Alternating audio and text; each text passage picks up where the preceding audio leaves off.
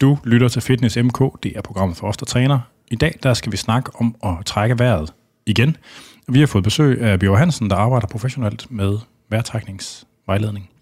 Dem, der har fulgt med i Fitness MK i lang tid, de vil huske øh, Bjørn tilbage fra en af de første 100 udsendelser, vi lavede faktisk helt tilbage i Radio 24-7-tiden. Der er gået fem år siden sidst, og øh, jeg er spændt på at se, hvor vi kommer hen den her gang. Øh, I dagens anledning, der optager vi øh, i, i køkkenet på Nørrebro i privaten, og øh, de her gamle hus, der er altid ombygning, så hvis man kan høre lidt hammeren eller bulleren, øh, eller der måske kommer et mærkeligt klip på et eller andet tidspunkt, så er det formentlig, fordi der er en anden forpulet polsk håndværker, der er i gang med at rive et eller andet ned ovenpå. Sådan er det. Øh, I Fitness MK snakker vi jo om øh, vores sportsliv og kropskultur og øh, videnskab og alle de ting, der hører til og øh, man skal have levet under, under en sten, for ikke at have lagt mærke til, hvor meget det her med breathwork, det fylder i den, hvad kan man sige, samtidens sundhedsdebat, øh, både blandt biohacker og blandt de sådan holistiske typer. Øh, og det er måske det sted, hvor det i virkeligheden når sammen, og der er også noget øh, rigtig spændende øh, videnskab på det. Øh, og det findes både, der er jo en masse traditioner, som har bidraget med forskellige dele af den her praksis, og der er nogle nybrud også. Øh, og det er noget, hvor der sker en masse, og øh, det skal vi snakke om i dag. Jeg er svært Anders Nedergaard, a.k.a. Dr. Muskel, og velkommen til dig, Biver. Tak. Hvem er Biver, for dem, der ikke hørt med første gang? Biver, Biver, Biver. Biver, Biver, Biver. øhm, B. Just B. Fordi øh, jeg er... Øh, Jamen kort sagt, så er jeg en øh, nysgerrig sjæl, som øh, som 12-årig splittede min personlighed for at øh, drømme mig væk fra den tilstand, jeg var i. Ligesom alle andre teenager, tror jeg. Drømme væk. Jeg, jeg blev bare fast. Jeg hang fast i den drøm. Og 23 år senere, så flyttede jeg om på den anden side af jorden, og fandt ud af, at aben fulgte med. Og så begyndte jeg at kigge ind af. Næsten flytter med? Næsten flytter med, i den grad. Og så jeg havde, jeg tror, jeg havde 100, 250 kilo med. Jeg havde betalt kassen for at flyve med Thai Air til, til New Zealand og så skulle jeg videre til London, så jeg må af med den her fysiske vægt, kigge altså dit harpengud? Mit harpengud, men også i samme moment, jeg reagerede jo uhensigtsmæssigt med mennesker, jeg slet ikke havde mødt før så tænkte jeg, det må jeg kigge på, hvorfor jeg gør, som jeg gør. Og så startede jeg i 2000 med yoga, fordi jeg havde ondt i ryggen efter en thai karriere og, øh, og så begyndte jeg med meditation, og i 2007 blev jeg uddannet som coach, og tog nogle terapeutiske overbygninger, og mindfulness, og vipassana, og vision quest, og hele denne her shamanistiske alternativ, prøvede alt, fordi jeg blev syg til sidst, fordi jeg ville gerne begynde at virke inden for det her felt som coach, terapeut eller mentaltræner, men jeg, jeg var ikke klar. Jeg, det var ikke mig. Øh, jeg havde for meget behov for selv at være på, og det synes jeg ikke, man skal være, når man er terapeut. Så jeg kunne mærke, at mentaltræning var derhen af. Øh, men de, med to, øh, de to fighter, jeg arbejdede med, for jeg kommer fra kampsportsverdenen, de blev professionelle, så det var en succes, men de tabte og stoppede med at blive øh, bokser. Så jeg skulle lige overveje lidt, hvad, er det mig, der er noget galt med? Det er det selvfølgelig ikke. Produktet virker, fordi de fandt noget bedre at lave. Men jeg blev syg af det, fordi jeg gik i nogle år øh, med den her, kan man sige, frustration, om jeg gerne ville øh, virke inden for et andet fag end IT, men jeg blev hele tiden helt tilbage, fordi IT, det var det, jeg kommer fra, der har jeg altid kunne få et job ret nemt og enkelt, så jeg prøvede alt muligt i mellemtiden. Men den her sygdom gjorde, at, øh, at jeg måtte gøre noget. Den var tilbagevendende over syv år, ligner lidt en autoimmun sygdom, så hver gang jeg var stresset, så kunne jeg blive ramt af streptokokker rosen i mit venstre ben. Og jeg har været så langt ude. Samme sted hver gang? Stort, ja, samme ben, venstre ben hver gang. Ja, samme sted. og det er meget specielt. Ja, det er lidt sjovt. Jeg kan godt huske, du fortalte det nu. Fra ja. derfor, ja. Det var det, derfor, jeg never sick again, jeg googlede. Og, øh, og jeg har været så langt ude så, øh, øh, i min søgen, at jeg har fundet ud af, hvorfor. Ja. Jeg fik det venstre ben. Jeg har været sørøver i tidligere liv, og øh, jeg har hugget benene af folk. Øh, men det var så en sjov historie. Øh, det, som, det var nice to know. Hvad der var need to know, det var hvidløg. Helt vildt fantastisk. Så der brugte jeg hvidløg og ingefær, og jeg har prøvet faste, jeg har prøvet alt muligt. Jeg har også prøvet en masse penicillin og forskellige præparater. Hvad? Penicillin. Nå, ja, ja. For det er jo ligesom det, der jeg vendte tilbage til. Jeg har også prøvet Campo, jeg, som er sådan en frø, man brænder ind i huden, som er jungle, junglemedicin, øh, junglens antibiotika. Ja. Øh, og det virker også. Det er faktisk øh, det er blevet dyrere. Det var dyrere på et tidspunkt end penicillin, og så var jeg uden penge, så valgte jeg penicillin. Men nu er penicillin blevet dyrere end Campo. Men nu har jeg ikke brug for det mere, for nu trækker jeg vejret. Så det kan man sige, det er den lange historie kort. Jeg har fået fat i min streptokokker. Jeg, jeg har fået det nogle gange de sidste fem år, men øh, jeg, der har jeg kureret det selv. En gang gav jeg til tre, En anden gang har jeg gjort det med kulde varme, åndedræt og, og mindset. Og, og, og så andre gange har jeg måttet bruge penicillin, men kun lidt. Ikke det forskrevne. Fordi da jeg havde det som værst, der rejste jeg rundt i Europa og fik det øh, ordineret i forskellige doser, i forskellige længder og forskellige apparater. Og så tænkte jeg, hvis de ikke kan blive enige, så må jeg tage ansvar. Så jeg eksperimenterede med penicillin. Det, det vil jeg ikke anbefale til nogen som helst at gøre, men jeg kunne mærke, jeg fik jo enorm kontakt til min krop, desværre til den negative side, til altså information i min krop, og det mærker jeg stadig i dag. Og i dag har jeg fundet noget, som jeg kan forebygge, jeg kan lige nu og her ændre min inflammatoriske tilstand, og på sigt, når jeg har trænet det, så kan vi jo, har vi fundet ud af, at det også påvirker min kroniske inflammation, så nu får jeg det ikke mere. Du må næsten have et reservoir et eller andet sted, hvor det kommer fra, det der. Hmm. Det kan man jo have, det er jo en ting faktisk, Ja, ja, altså, det ja. kan man godt have. Ja, selvfølgelig.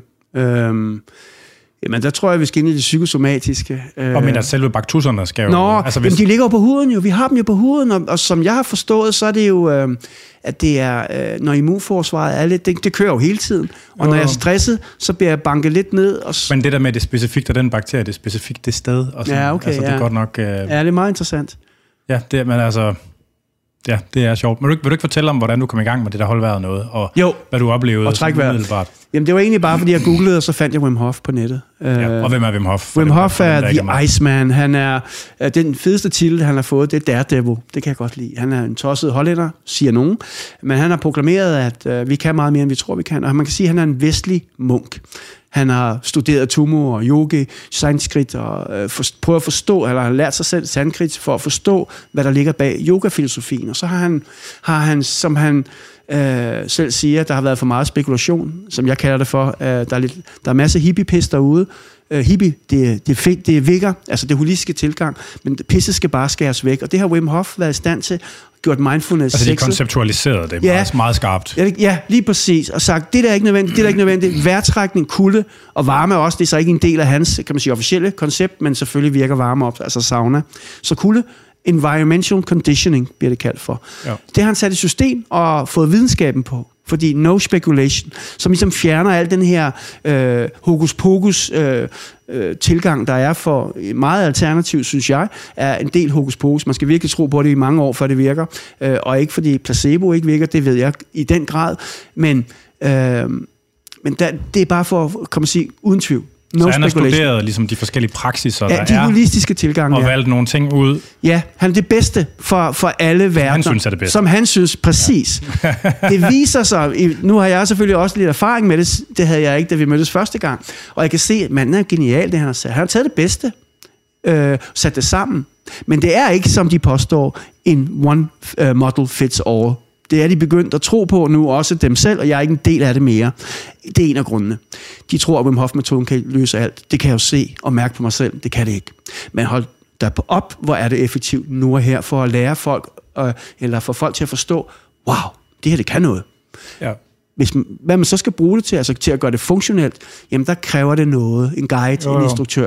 Men Men altså, hvor jeg, endelig, det er introen for pokker. Nu, vi skal, så, Jamen, din, Johan nå, det, var din, det, det der, det vender vi lige tilbage til, men som Yes. din egen historie, altså... Jamen egentlig, den er ikke meget længere. Jeg, jeg, jeg fandt Wim Hof, så begyndte jeg at trække vejret som ham, og så var jeg i, i splitsekund var jeg 17 år igen, da jeg var på vej op i min boksering for min første boksekamp. Og den flow, den, den tilstand, den opmærksomhed, den klar parathed, den savnede Så jeg. du fandt et eller andet igen. Jeg fandt det der igen. Jeg kunne mærke den her flow, jeg havde som 17-årig, hvor jeg begyndte at bokse, hvor jeg bare skulle erobre verden. Der er ingen, der skulle stå i vejen for Hvor mig. gammel var du der? Altså, så, så var du oppe og bokse igen, altså som nej, voksen nej, voksen? nej, jeg mærkede bare følelsen. Okay, check. Jeg skal ikke op i en boksering igen. Jeg er 57, så det er gudskelov noget, jeg har gjort, og jeg overlevede det.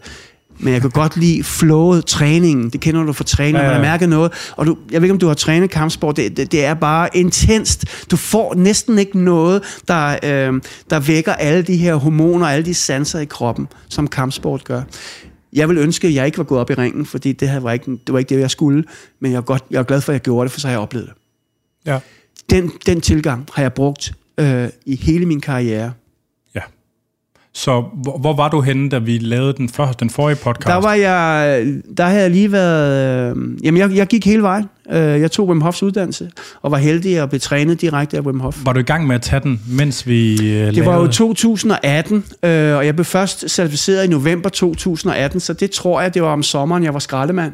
Så ja, jeg lige se her, det var afsnit nummer 192 i 19. Ja, så var jeg lige blevet certificeret, Okay. og øh, var blevet fyret fra mit IT-job, hvor jeg kunne ikke holde fokus. øh, netop på grund af det her. altså fordi det ligesom var, og det opslugte dig. Ja, Okay. Ja, og jeg fik en advarsel, fordi to dage før jeg skulle øh, ned og øh, op på det her bjerg, som man blev certificeret, det gør de så ikke mere, men øh, Altså man skal gå op ad bjerg i jorden. op i bjerg i, i underbukser eller ja. shorts og øh, øh, i minus et eller andet. Jeg har kun været dernede med uden tøj på i høj solskin, så det har kun været minus 15 grader, næsten ingen vind. Det har været lidt kedeligt. Men jeg har været op nogle gange senere hvor, med tøj på, hvor det var rigtig koldt og spændende. Så det var lige... Øh, Ja, det var lige efter, jeg blev certificeret, og, ja. øh, og så, øh, jamen, så begyndte jeg at tage over.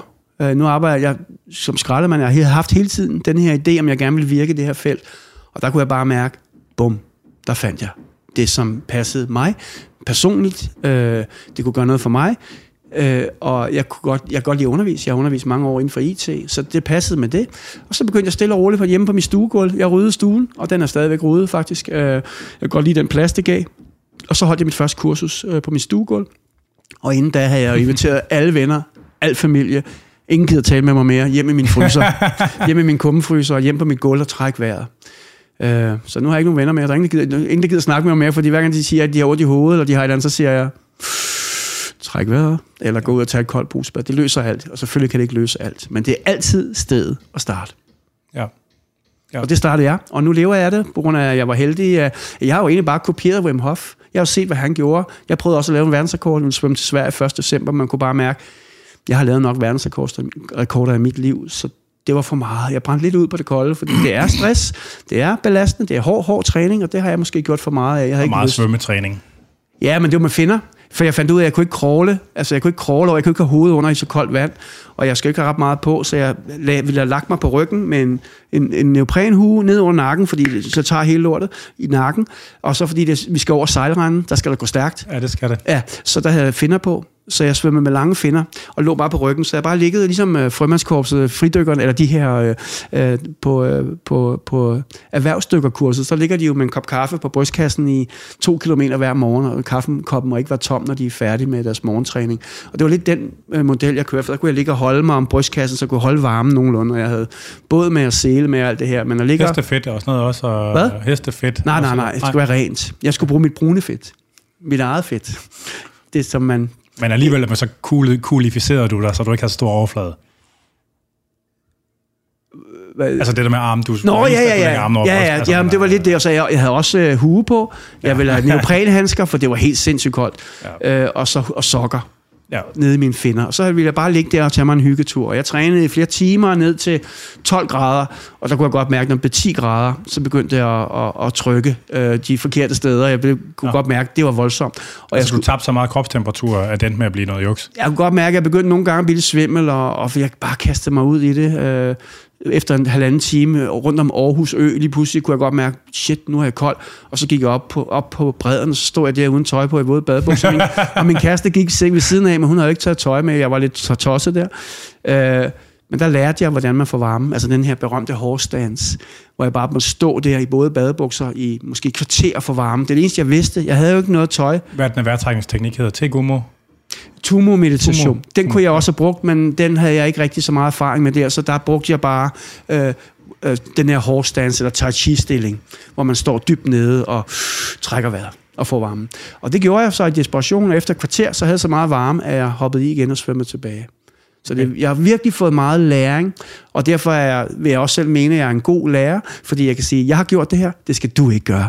Altså ikke trække vejret bag rattet i en bil, heller ikke i vand, når det er nogle af de her mere komplicerede, eller ikke komplicerede, for der er ikke noget komplekst i det, men mere øh, intense protokoller, som Wim Hof bringer til banen, på banen. Ja. Øh, og jamen, så prøvede jeg det, så stoppede jeg det. Så tænkte, hvad gør jeg så? Jamen, så er der jo tv øh, og videnskab, og så tilfældighederne ville, at jeg mødte en, en, øh, en læge ret tidligt, Lasse Enkebøller Rasmussen, som er ligesom fortaler for det her i Danmark, og underviser også selv i det. Øhm, han er kirurg og, og har en Ph.D. i kredsløbet, så han vidste rigtig meget om, hvad Wim Hof-metoden kan gøre, eller åndedræt og kuldetræning. Og, øh, og, øh, og så mødte jeg tilfældigvis en advokat til en privat samling, som hver gang jeg havde mødt ham, spurgte, Nå Bio, fortæl mig lidt om det der. Så i dag gider jeg ikke fortælle dig det, fordi hver gang jeg taler om det kolde, så kan jeg se på dine øjne, at det er ikke noget for dig, så jeg gider ikke snakke om det. Jamen, jeg vil godt høre det. Og så begyndte jeg, og så skulle jeg se hans øjne igen begynde at dreje. Men så sagde han, nu gør du det allerede. Nej, det gør jeg. Men ved du hvad, jeg kender en. Vi er advokat for et firma, der hedder Viogate, og de laver noget, der hedder en SUPAR-test, som kan måle kronisk inflammation. What, sagde jeg. Hvem er det? Og det viste sig at være Jesper Eugene Olsen, som har udviklet en metode. Uh, han har arbejdet med Bente Klarlund i 25 år, med immunforsvar og med AIDS-forskning. Og uh, så han har, han har fundet ud af, hvordan man måler sin kroniske inflammation. Og det er jo lige med ens biologiske alder, kan man sige, hvordan du tiltrækker dig sygdommen. That's complicated, vil jeg sige. ja, men, og de, men de er ved at få det godkendt også her i Danmark i en priktest. Øhm, og de bruger det jo på Hvidovre og på Amager og brugte brugte det under øh, covid for at se, om der var nogen, der var i risikogruppe for, for et svært tilfælde. Det er en, blod, en ny blodbaseret biomarkør for inflammation. Ja, det er øh, SUPAR molekylet, de måler på. Og de har brugt blodbanken, og de har kørt et kæmpe forsøg nu her i Grækenland for at få det ud, for at få verificeret, for at fjerne alle øh, fejlvurderinger og sådan noget. Så de, de er på vej med en priktest, som alle kan få, og så kan man måle sin biologiske alder. Ja. Men, Rimelig nøjagtigt. Ja, ja, det, er altid noget, der krasser, når folk snakker om biologisk alder. Ja, Fordi biologisk alder er et ekstremt kompleks størrelse. Helt sindssygt. Og... Men du kan i hvert fald måle din kroniske inflammationsniveau i kroppen. Og det tror et udtryk man... for det. Ja. Fordi der findes også CRP og TNF-alfa og alt muligt andet. Og... Jeg er gudskelov ikke belastet af konkret viden, Nej. så jeg forholder mig til denne her. Der kunne vi ja. se i hvert fald, og det sjove ved denne her udsendelse, Træk vejret, som vi fik lavet, som stadigvæk ligger der på et tredje år. det, det er? Det er to Ja, det er, så den ligger på DRTV? DRTV, ja. Den kommer okay. til at ligge til 14. Uh, øh, træk vejret, hedder den. Der fandt vi ud, som Jesper sagde til mig, da jeg spurgte ham, åh, resultatet, resultatet. Så han, det er ikke så vigtigt med resultatet. Og det er altså ham, der har udviklet den her metode.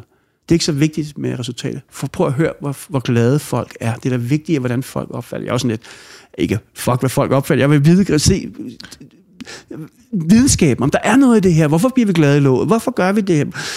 Det er jo ikke behageligt at trække vejret og hyperventilere. Det er jo ikke behageligt. Du vækker øh, ubehag i kroppen, angst måske, hvis der ligger noget i, i systemet. Og koldt vand, hmm, det tror jeg aldrig, jeg bliver... Øh, jo, en varm, varm sommerdag, eller efter en saunagus. Men at sidde der i to minutter og mærke sin frygt og sine mindreværdskomplekser, og jeg skal komme efter dig, alle sine gamle skavanker. Altså, isen, det kolde vand, er som et spejl i min optik, og det har jeg jo så øh, Men er, det, det gælder vel ledelse, sådan set, ja, på en eller anden måde, ikke? det er jo kroppen, der siger, hallo, hallo, hallo, kig på mig. Øh, der, er noget, der er noget, der du skal tage øh, opmærks- eller give opmærksomhed. Ja.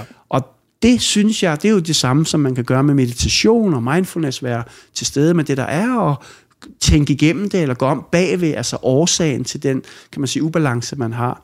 Og det er jo kronisk inflammation, også et symptom på, eller et, et symbol på, eller et, et tegn på, at vi lever ude af balance. Ellers vil vi ikke have inflammation i kroppen. Hvis vi lever i balance... Ja, men det er så...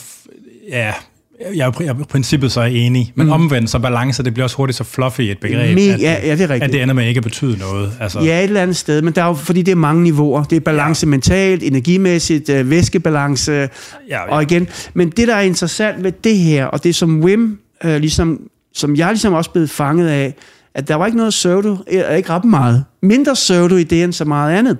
Fordi han fik målt, eller han fik lavet den her LPS-test i 2012, hvor han fik indsprøjtet en E. coli-bakterie. En rest, en rest af dem. Ja, en død cellevæg selvfølgelig. Så han blev ikke syg af det, men immunforsvaret kunne ikke kende forskel. Og så fik han moduleret, ikke øh, øh, kontrolleret, det kan man ikke, men moduleret sine symptomerne på den immunrespons, som var mandinfluenza. Ja. Og så trænede han også nogle andre på 10 dage til at gøre det sammen, og bla bla bla.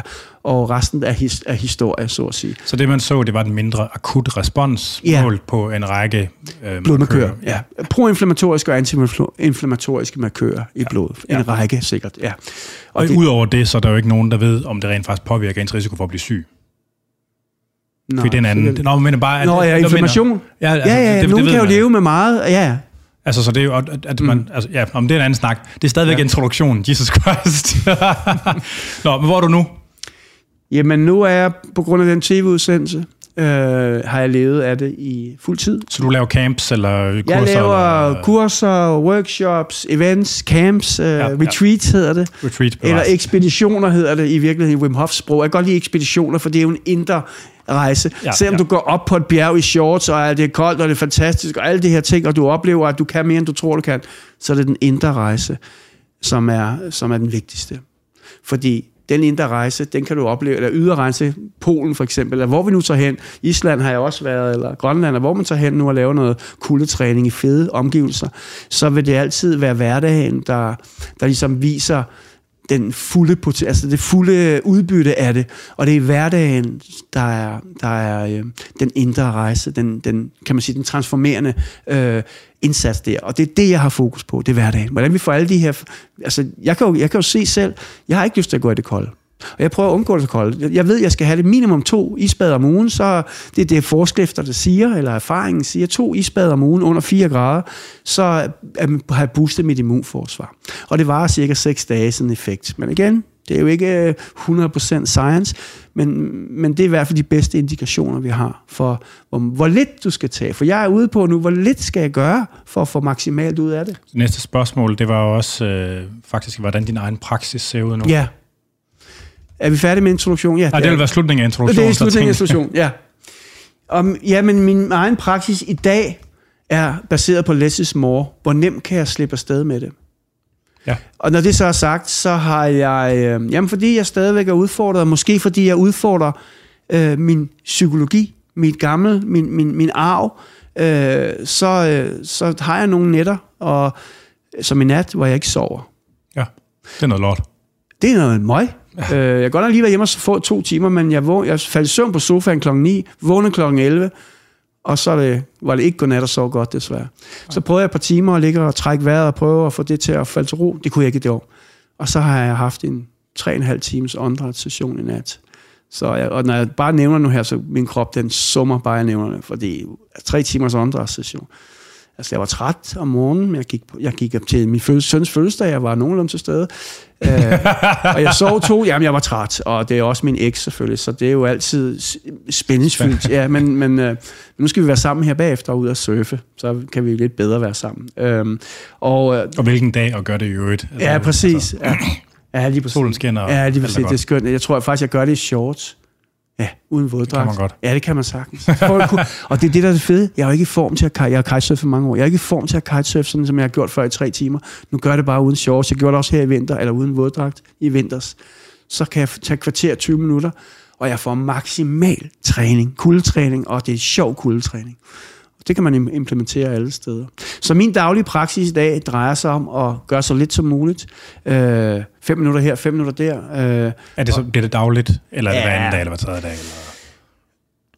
det skal blive dagligt. Det er det ikke helt endnu. Det skal være fem minutter er mere end nok om dagen til at starte med. Øh, Og hvad, for nogle, og hvad for en form for Jamen, vejrtrækningspraksis er det så? jeg har, kan man sige, box breathing.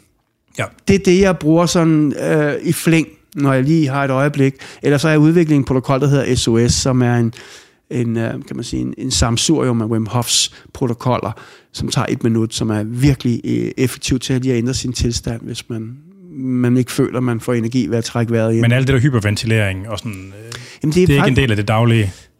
Jo, altså det, det skal det øh, være i en eller anden udstrækning, øh, efter behov. Og jeg har lavet en aftale, og, og øh, det fortryder jeg lidt med min krop, at hvis den har brug for at trække vejret mere end de her 25 minutter, 5, mellem 25 minutter om, om dagen, så skal den vågne tidligere. og det kan godt være, at det er sådan nogle ting. Nu er jeg begyndt at gøre det, for jeg vil prøve at se, om man kan trække vejret for meget. Det ved jeg, jeg har hørt fra nogen, man kan. Nu prøver jeg. Men selvfølgelig, hvis du jager og hyperventilerer dig hen, så ved jeg, så møder du noget, du ikke ønsker at møde.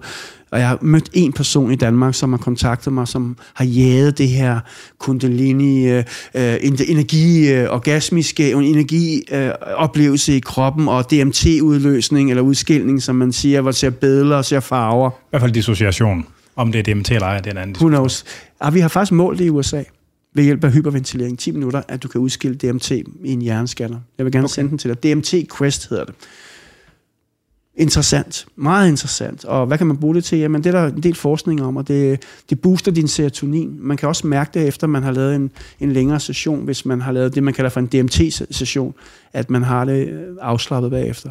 Om det er DMT, og man har set billeder eller farver, det er sådan set... Dimethyltryptamin, meget, ja. stærkt, meget, meget stærkt hallucinogen. Ja, det kan vi selv producere. Det er det, vi drømmer af. Mm, det er ikke fuldstændig ukontroversielt. Der er, nogen, der, der er mange, der mener, og der er også nogen, der mener, ja. det kan man ikke. Nej, okay. Men jeg ved, man kan, for det kan jeg, jeg, jeg kan se det. Og jeg tester det også på mine kurser med at give folk øh, øjenpuder på. Så hvis de ser noget, så er det noget, de selv har produceret. men det, det, du ved, det er jo, at folk har en, en hallucination eller en dissociation. Ja, ja. Du ved jo ikke, hvad, du ved jo ikke, hvad mekanismen er i virkeligheden. Nej, det er selvfølgelig rigtigt. Og det er vigtigt at skille ad. Ja, du har ret, og det er fedt at tale med dig om, for du så har så meget viden. Fordi jeg, jeg fyrer den jo bare af og siger, det, jeg har hørt det DMT, det er det, man det, det stof, der bliver udskilt af penalkirten, så jeg fokuserer bare på min penalkirtel, så kan jeg se farverne. Om det er noget, med, om det er noget jeg bilder mig ind, eller er det noget andet, det er, hvad det er. Jeg har du trippet på psykedelika nogensinde? Ja, det har jeg. Har, din, har, altså, har, de der, altså, har effekterne af det her med at det trække vejret ændret sig, efter du har gjort det? Øh, ja. Ah, Både og, vil jeg sige. Fordi der er jo mange, der oplever, efter de har brugt stærke hallucinogener, at det ligesom påvirker meditationspraksis. Både og. Bagefter. Både og. Øh, jeg fik øh, i den første åndedrætsstation, efter den første ejerceremoni, ja. der, der, øh, der kom dragen tilbage. Ja.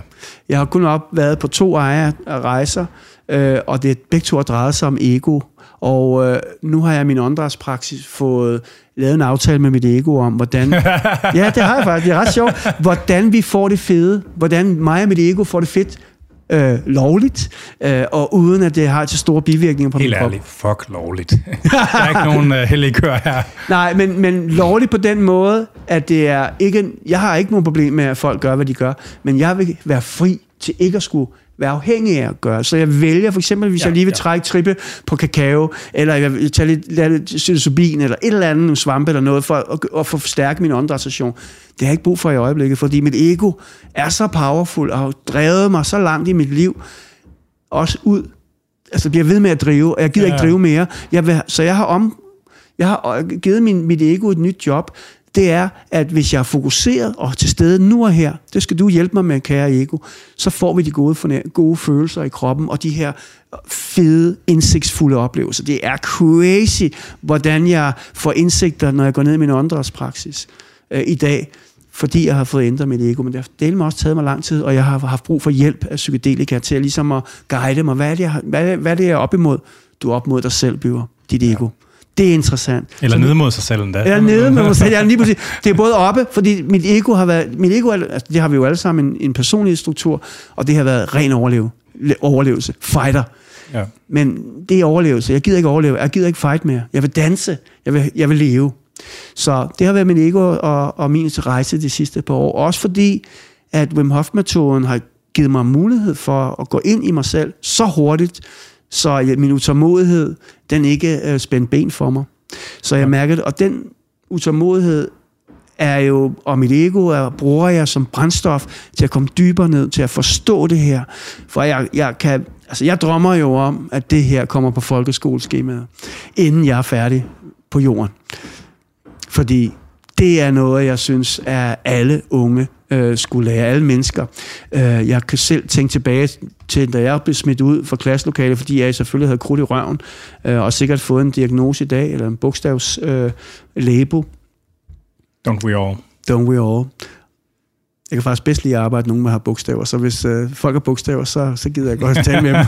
så, så, så er der ikke så meget bullshit. Men jeg drømmer tilbage til den gang, hvor jeg blev smidt ud af klasselokalet, øh, fordi jeg ikke kunne styre min superpower. For det er superpower, jeg har. Altså ADHD, eller hvad man nu kalder det for. Jeg har monster meget energi. Hvis man kan directe det, eller give det en retning, så lyst, er det voldsomt. Ikke? Lystbetonet. Jeg kan også godt mærke, at jeg har de ting, jeg ikke har lyst til pokkers, det hvor er det svært. Ja. Så nu har jeg, på, i morgen har jeg møde med min revi, en revi, ny revisor, fordi alt det der gider jeg slet ikke, og jeg skylder penge væk til, til skat og sådan noget, fordi, come on, det er da ikke så vigtigt, som at lære folk at trække vejret. Det er det, Biver. Fordi hvis du ikke får det her, så, ja, så, så hvis der ikke er smør på brødet, på brødet så, øh, så er det ikke sjovt så meget, altså, så påvirker det alt andet. Ja. Så, men den her, hvis der var nogen, der kom og sagt til mig, det var en superpower, så har jeg måske ikke øh, slået mig selv så meget oven i hovedet, eller øh, ikke øh, tilgået mig selv på den lidt hårde måde, jeg gjorde. Jeg gik til mig lidt som min gamle, min gamle boksetræner. Der er kun en undskyldning for ikke at træne. Det er en begravelse, og det er din egen. Altså, den tilgang, den er jo totalt afdækket. Jamen, det er tvang, eller bare vi ved, ja, jamen, vi ved, tvang af mig selv, så jeg jo trænet på på smerte eller vilje, neurotisk brændstof. Og det ønsker jeg. Jeg ønsker at træne lyst og glæde og overskud, fordi det er rart. Altså, når vi, Oh, bruger, yes. hvis vi bruger vores muskler, jamen, så får vi alle de good stuff. Det er the good det. stuff. Altså, hvis man ser på Arnold Schwarzenegger, altså, han er jo totalt narkoman. han fik noget ekstra the good stuff. Ja, for han kunne træne mere og få musklerne til at producere lige præcis det, han godt kunne lide. Så, men ja, øh, han, havde, han, han forstærkede det, effekten. Og den her måde, at get, som Wim også nævner, det her med at get, get high on your own supply, den synes jeg er interessant, fordi min største værdi er frihed. Så jeg behøver ikke at drikke alkohol, jeg behøver ikke noget andet for at, at skabe en fed tilstand inde i kroppen. Det synes jeg er ret befriende. Og så er det en superpower, det kan jeg jo se, når, når jeg arbejder med, med folk, der performer, eller folk, der øh, er skadet og kommer hurtigere tilbage med det her performance mindset. Så det synes jeg er, er værd at bruge, tid, bruge resten af mit liv på, øh, at få bredt ud. Ja. Det tror jeg, det er den længste intro, vi har haft i programmets historie. Men, så der kom lidt ind, øh, ind og ud mellem sidebenene undervejs, men det er jo sådan, det er. Øh, det var altså det var intro, den hidtil længste intro i Fitness MK, og det er selvfølgelig, øh, det, ja, det er stadigvæk Fitness MK, I lytter til. I kan skrive ind til programmet på afn andersnedergaard.dk eller, til, eller på vores Facebook eller Instagram side.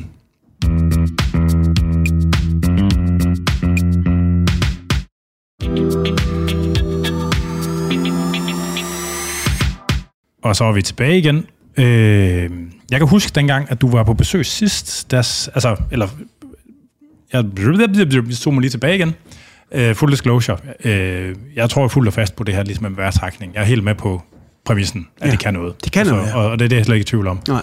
Øh, jeg har været noget, jeg har, øh, da vi lavede podcast med Stig Pryds, en af de Ja. ja. helt tidlige, vi lavede, som jo havde den her oplevelse af, at han havde været, øh, han har fået en førtidspension mm. med psoriasis gigt, Mm. hvor han jo har været, altså siddet i rullestol, hvad hedder det, kørestol, Ja, kørestol. og endte med at, sådan, at komme fri af sin førtidspension af at trække vejret og spise grøntsager og mm. være sådan lidt, du ved, Ja, for Og gå i varmt vand, faktisk. Ja, ja. Ja. Smertelindrende, ja. Øhm, og var med ham ude og holde vejret, og havde selv sådan en ret vild oplevelse med det, og altså din historie med altså det her med rosen og de her streptokokker, mm-hmm. det er jo helt, altså Lignende. sådan noget, ja. altså det hører man. Jeg taler også og, med Stig, han er en cool fyr. Ja, øh, og der er jo også, altså, der, der er jo en masse litteratur øh, på det, om, der viser, at øh, det er forbundet med øh, lavere blodtryk, øh, Ja. forskellig inflammation, altså noget CRP, sådan nogle generelle inflammation, Man kører, ja, ja. Altså, der er noget, og langt det meste er selvfølgelig lavet på øh, forskellige praksiser, der har til formål at få en til at slappe mere af Mm. al den stund. Ja. Og det er jo formentlig set i lyset af, at der er flere, der har for meget stress Ja. om dagen, end der har for lidt stress. Ja, ja, præcis. Øh, så det, det giver mening. Ja, bestemt. Altså fuldstændig. Og Ja. Når jeg så, vi er jo også, jeg er jo sådan en Rasmus modsat, når folk de sådan begynder at være sådan helt vilde med noget, ikke? eller sådan ting, ligesom det der biohacker noget, ikke? Ja. Sådan, en biohacker starter kit, så skal man få noget keto, og man skal Ja. have noget TRT, og sådan, du ved det, hvor det bliver sådan nogle kits, hvor ja. ting ligesom bliver promoveret igennem, du ved. Lige så snart noget, når, lige så snart noget, noget det har været på fucking Joe Rogan, så begynder alle biohackerne at gøre det, ikke? Sådan, mm. Og tænker sådan, man kan jo gøre alle mulige ting, der er godt for en selv. Jeg tænker ikke, at om noget har været på Joe Rogan eller ej, om det sådan er den bedste epistemiske test for, om det har gyldighedsværdi og sandhedsværdi. Nej.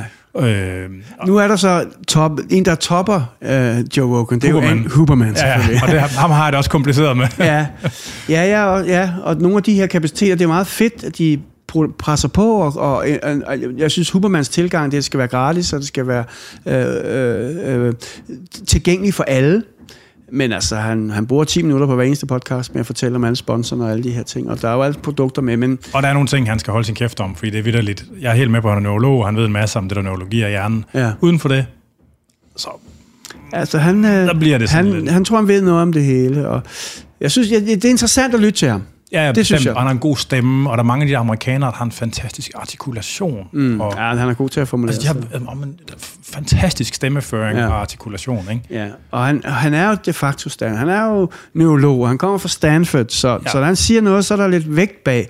Og, og, og jeg har prøvet nogle af hans teorier, og også denne her, han havde en, en podcast med Call den Performance med Greg Heller, Øh, de har udviklet et apparat, som kan bruges kulde under træning. Den er med at kunne køle hænderne af. Yes, Ja. den har jeg. Er der sindssygt, det er vildt. Det er bare lidt upraktisk, hvis man sådan øh, er i gang med grappling, en grappling session. I kampsport, du, det, jo, men der kan man jo gøre det i ringhjørnet i pausen. Ja. Men et minut har jeg testet, det er ikke nok. Du skal Nej. op i to minutter minimum, og deres protokol er tre minutters køling mellem ja. sættene.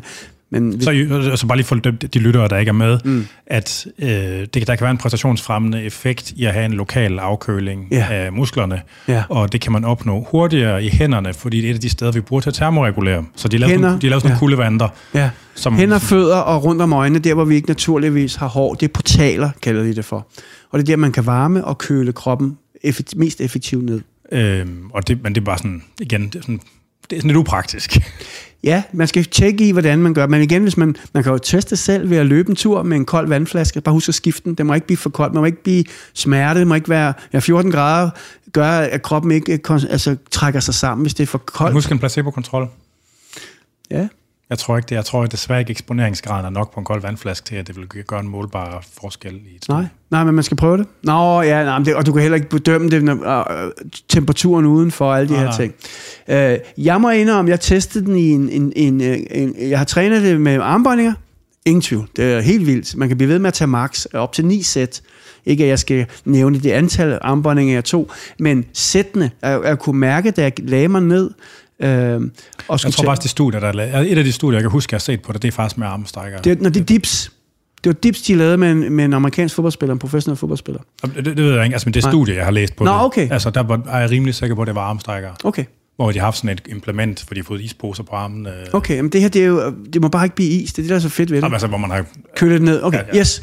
Men den her, som jeg har blevet fanget af, det var, øh, det var den her amerikanske øh, fodboldspiller, som øh, var god til at lave dips, og han kunne lave 60, 40, 30 og 20 i fire sæt. Og efter en måneds træning med 3 minutters nedkøling af håndfladerne mellem hver sæt, så lavede han 6 eller 7 gange 60 i- på bare en måned. Så han får forøget sin Ja. ja. performance helt vildt. Og det er der, der begynder mine alarmklokker bare Og det er for bim- bimle og bamle. Altså, ja. Ja. Fordi det der med sådan en enkelt case, mm. og man har sådan meget, ser meget voldsomme effekter på folk, der i forvejen er relativt højt trænet. Ja. Og Sådan, Det, øh, det skal testes mere af, øh, Ja. ja. øh, og jeg indgår nu her et samarbejde med Performance Institute i Danmark, hvor vi begynder at teste de her ting af. De kan måle det hele med medicinsk udstyr, så, øh, så vi kan begynde at måle, og det er jo fantastisk. Det, interessante det er jo også, hvad er kontrolbetingelsen? Det er altid et spørgsmål, Ja, når man kigger ja. på ting. Jo, selvfølgelig. Hvem ved, hvis, hvis, det kan være, han har begyndt at træne, han, det kan være, han har trænet det der mere i den periode. For, Præcis, Og det er bare og han har, han har taget hensyn til det under sin egen professionelle træning, som fodboldspiller, whatever. Der er Ja. så mange faktorer. Ja. Så det, men det er sådan noget, det er sådan noget Ja. der, det for, ligesom det, så du den der The Game Changers, den der veganer Ja, ja, ja, ja. Lige pludselig så havde de, øh, hvad fanden var det, de deres rejsninger var, øh, Ja.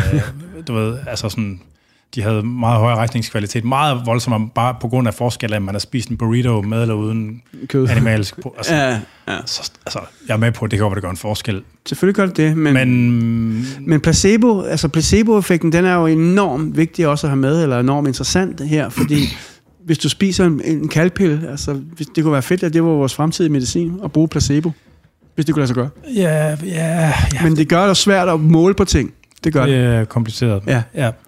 Øh, så jeg kan huske, at sidste gang, du var i podcasten, der mm. snakkede vi om det her ligesom med, at man, der findes nogle elementer af de her åndedrætspraksiser, der har til formål at få en ned, Ja, og der er nogen, der har til formål at få en op. op. Og så er der nogen, der er til formål for at få balance. Ja, men det, det vil jeg så våge at påstå. Det gør de jo alle sammen i et eller andet omfang, afhængig af, hvad udgangspunktet er. Så man, kunne- altså, jeg tror, jeg, jeg mener, jeg kunne huske, at vi snakkede om det som sådan en slags fleksibilitetstræning, eller sådan en kalibrering af ens autonome nervesystem. Ikke? Ja, det er rigtigt. Og, og hvis man nu kigger på, øh, på kan man sige, der hvor, hvor man har sådan en kobling ind til den lægefaglige verden, der hvor Stanislav Grof i 50'erne brugte LSD til at hjælpe folk ud af svære mentale tilstande, hvor det så blev forbudt i 60'erne, og han så fandt holotropisk åndedræt, som er hyperventilering, altså mange timers hyperventilering. Man kan ikke sige, at det er balancering, balancerende åndedrætsmåde, men det er det jo på bagkanten, efterfølgende. Og man, ja, altså det, det er jo mere sådan, hvad kan man sige, værtrækningspangdangen til gestaltterapi, hvor man fucker folk op, og så ser man, hvad der sker bagefter. Ikke? Ja, en eller andet sted, ja. Ja, for du ved ikke, hvad der sker, hvordan kroppen reagerer, når du begynder at trække vejret på den her måde. Nej, Du kan ikke holde fast i de her øh, personlighedsstrukturer, psykiske strukturer. Det hele splittes eller slipper. Men, men altså, så spørgsmål, så er man jo over i noget, hvor det bare handler om at stresse folk nok på en eller anden måde, indtil der sker noget. Ikke? Ja, det er jo den samme måde, man træner øh, øh meget dygtige soldater og dygtige mennesker på. Det er at, at få dem presset derud, hvor, hvor alle facaderne ryger af, og så bygger man dem op igen for et rent sted. Det er i hvert fald en skole, kan man sige. Ikke? Det er der en skole, der gør, ja. ja. ja. Det er meget, og det er ikke så dansk, måske. Altså, det er mere sådan Nej, en, det er jo ja. specielt tropper i militæret, og måske nogle, nogle specielle skoler, Wing Chun, hemmelige Wing Chun-skoler. Om det er også meget amerikansk, sådan. Og, ja, ja. Og, altså, sådan. ja vi, men vi gør det jo stadig her i Danmark også, selvom man kan sige, at ja, vores ja, tilgang ja. til det er meget... Altså, jeg i virkeligheden helt det kommer en lille introduktion, men det, jeg nævnte det her med, at jeg vil gerne være mentaltræner. Det gjorde jeg faktisk kun på grund af, at jeg kunne se, at der er en bog af Paul Hansen, jeg er faktisk vin, sammen i samme vinterbadeklub med ham i Helgoland. uh, det var meget sjovt, jeg har sagt til ham, at det var hans, på grund af hans bog, uh, som han skrev sammen med, med lederne af aspirantskolen uh, for frømandskorpset, at da de tog coaching med ind, altså kognitiv gruppeterapi, eller sidde og snakke rundt om bålet og, minde, og, og bare være ærlig og sige, jeg er ikke Superman. I dag er jeg ikke helt på toppen. Nå, det er jeg heller ikke. Og, øh, og det, det, det gjorde mig ked af alt, det, du sagde, jeg var en tøs, da jeg ikke havde taget nummer 2050 eller 2051. Det gjorde mig ked af det. Nå, det må du undskylde. Altså, at det ikke virkede, i speci- altså, specielt på aspirantskolen, de fik flere og bedre soldater igennem, ja. så var det bare, okay, hvis det virker for dem, og det er også derfor, jeg bruger boxbreathing, hvis boxbreathing virker for Navy SEALs, så kan det også godt nok til mig. Jo, jo. Og det er enkelt, og det virker på meget få minutter. Så det er sådan den, den grund til, at jeg ligesom kaster mig ud i det her fra, øh, fra starten af. Ikke? Det, og det, det kan, det, altså, er det, det man, at man Altså det er jo, hvad kan man sige, for så vidt angår vejrtrækningsteknik, så er det vel noget, der gør mere for folk ned end op, men det gør også med ret opmærksomheden meget tydelig på sin vejrtrækning. Ja, altså, men, ja, altså, og det det, som kan man sige, øh, øh, holotropisk åndedræt og Wim Hof bringer til banen, på banen, det er den her mere maskuline måde at trække vejret, sådan sympatiske, den aktive uh, træningsåndedrættet øh, med munden, hvor man kan sige yoga, øh, og mindfulness er mere med næsen. Og mere det var, så det er op versus ned. ja, op og ned. Jamen lige præcis. Op ja. og ned. Opregulering og nedregulering. Og så er der balancen selvfølgelig ind imellem. Øh, men selvfølgelig kan du ikke ændre, ændre, ændre så meget, at du, du kan ikke gøre skade på dig selv øh, her nu. Men mindre man kører bil samtidig. Ja, ja det har jeg prøvet. Øh, eller i vand.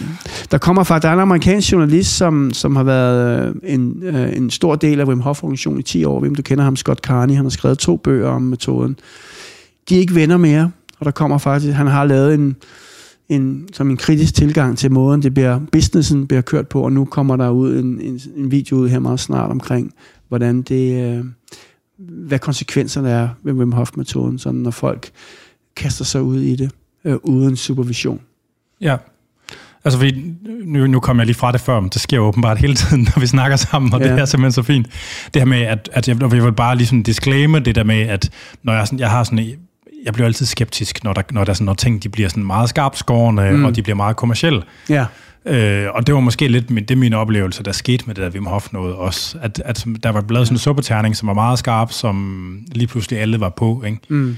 Øh, og så, får jeg sådan, så begynder de der alarmklokker, de begynder sådan, mm, ding, ding, ding, ding, ding, ding. Det er sund, altså, sund skept, dansk skeptis. Altså. det er også lidt irriterende, fordi så man, man kommer til at være fucking skeptisk over for alt, ikke? Altså, så nogle gange, så yeah. kan jeg godt være så lidt træt af det. Men ja, det altså. kan jeg godt forstå, det kan jeg godt forstå. Den der, den Chesterfield, Disney-modellen, hvor du hele tiden er Chesterfield, du får ikke lov at lege, du får ikke lov at være uh, brainstorme og ja. med de gode idéer, du hele tiden ryger over i sofaen. Det kan godt være svært for mig at blive begejstret. Ja, fordi det er sådan, ja, fordi der er, altid, der er jo altid ja. noget, der er mere mellem himmel og jord, og det er jo, det er jo kun, uh, Nej. Og det er jo det her pis, som skal væk, så vi får rent hippie, det hippieverden og yogaverden, som, som jeg kalder for hippieverden, eller peace, love and understanding, synes jeg er smukt.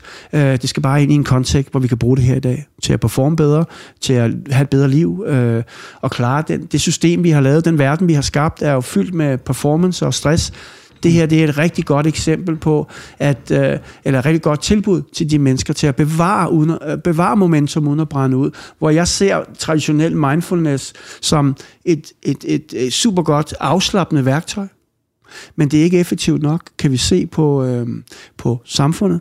Ja. Der, der skal noget nyt til, noget mere til. Og der ser jeg øh, den her, ja, Andrew Huberman kalder det for uh, sigtet hyperventilation with breath retention. Ja. De nævner heller ikke som Wim Hof-metoden mere, men det jo ligesom ham, der har sat det sammen, og det er jo igen kommercielt, fordi det er blevet en kæmpe kommersiel ting, og, uh, og chefen for firmaet, han er måske ikke den mest kærlige person, mere en rigtig businessman. Wim kalder ham også for en idiot, og the biggest asshole in the world, og sådan noget. Det, det er selvfølgelig ikke særlig pænt. At han kalder... Er det ikke hans søn? Eller? Jo, det er hans egen søn. Oh, Men han er, han er øh, og det er jo også den video, der kom ud med Scott Carney, hvor, hvor, han, hvor Scott han interviewer Wim, Jamen, hvad der sker? Vi hører alle de her historier, folk bliver smidt ud, og jeg er også selv blevet smidt ud af organisationen. Øh, og, og det er jo, undrer man sig over, hvorfor man gør dem. Det er fordi, det vil, der, der er total domination. De vil have kontrol. Så hvis du begynder det der tv-udsendelse, det var ikke noget, der var godt. Jeg tog også den forskning, der lå bag, tog jeg ned til Holland en fredag eftermiddag, for jeg ville vise dem. De svarede ikke på min mail, så ville jeg vise Wim det. Men Wim var optaget, så jeg talte med hans søn, og tre måneder siden var jeg smidt ud. Altså har det noget med hinanden at gøre? Måske, who knows? Men er der noget med, at Wim og hans søn, de også er uklar? Det var det, som Scott Carney satte sat okay. fokus på her i hans sidste video, hvor det virkelig er gået amok. Hvor Wim, han bliver interviewet. Hvor er det hen i tid? Vi taler tre måneder, fire måneder siden, okay. kom der en video ud ja, fra Scott synes nok, der var et eller larm der. Ja. Hvor Enum lukkede hans YouTube-kanal og fik det hele væk, men det kan han ikke, og nu er det op igen, og nu kommer Scott med den nummer to. Fordi han er selvfølgelig blevet ramt af, at han har hjulpet med 10 år, og så er der sket et eller andet. Fordi det, der sker helt traditionelt, det er, du bliver klogere. Wim Hof-metoden er fuldstændig fantastisk, men den har også sin udløbsdato. Øh, jeg er lige jeg er i dialog faktisk online med Laura Hoff i dag, fordi hun siger, at det er både... Datter. Øh, datteren. Det er både øh, CO2-tolerance, øh, skabende. Det er det ikke, i min optik. Og så er det traumeforløsende. Det er det heller ikke, fordi familien er fyldt af traumer, så det kan ikke lade sig gøre. Ikke, ikke traumaforløsende nok? nok, nej. nej men det er rigtigt forløsende nok, men det er en fantastisk coping-mekanisme. Men hvis vi skal forløse vores traumer, bliver vi nødt til at gå længere og få det specificeret. Og det er der, jeg, jeg kommer ind blandt andet, ved at lægge andre metoder på at, at mærke efter, fordi jeg har en kompleks PTSD, så jeg er rigtig godt uh, studie finde ud af, hvordan virker det her, og det har jeg begyndt at finde ud af, men det kræver altså ikke bare 15-20 minutter om dagen, desværre.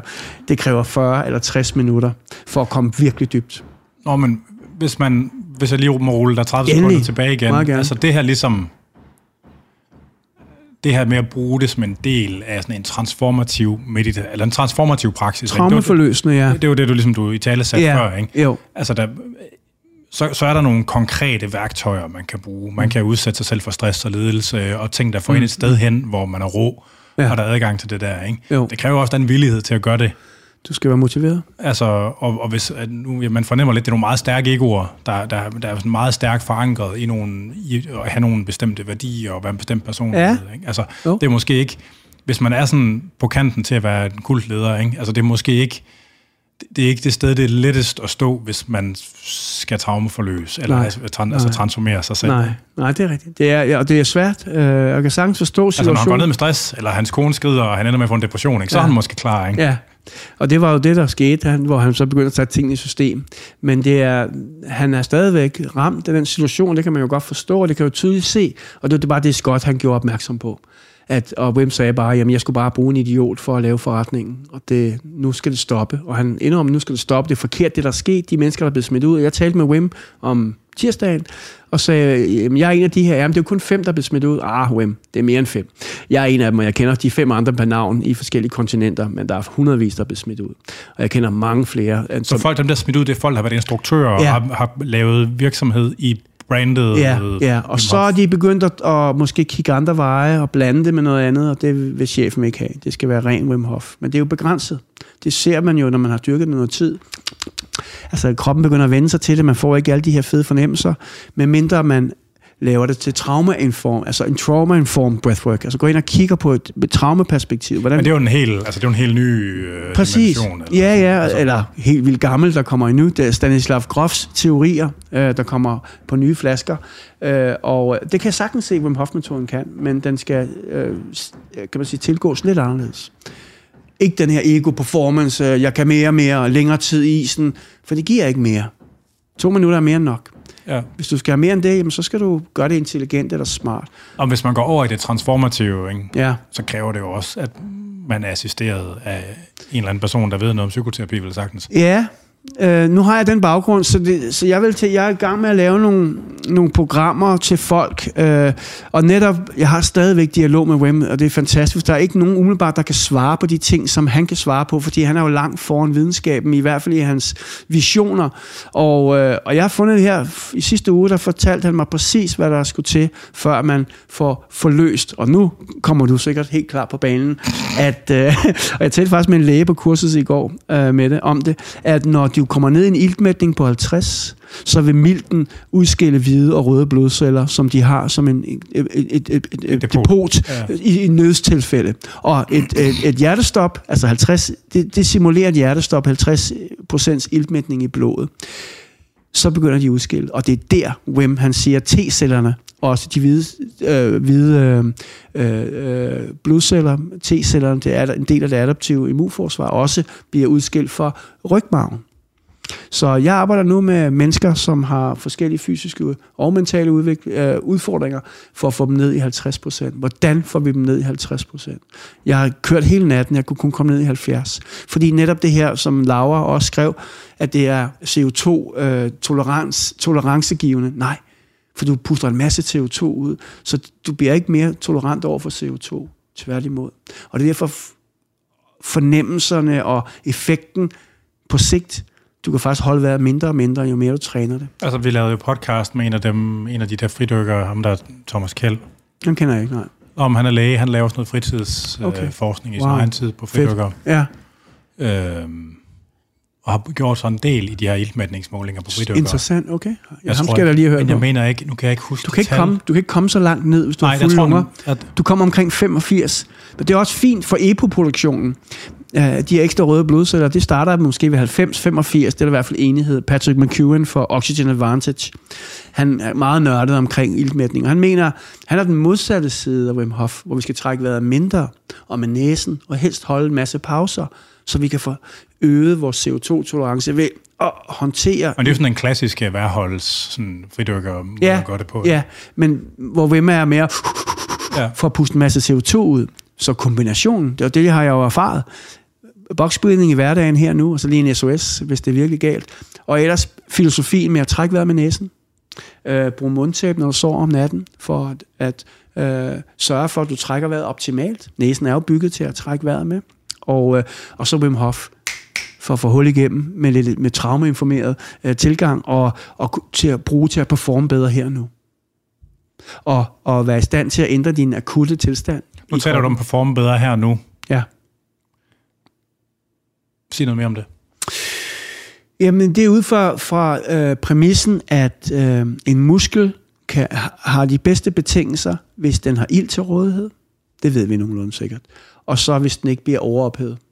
Hvor meget den skal lave. Den skal arbejde rigtig intens, så er den faktisk ligeglad med ilt. Men det er en anden historie. Nå, så er det aerobisk, ikke? Altså, er det anaerob. Anaerob, ja.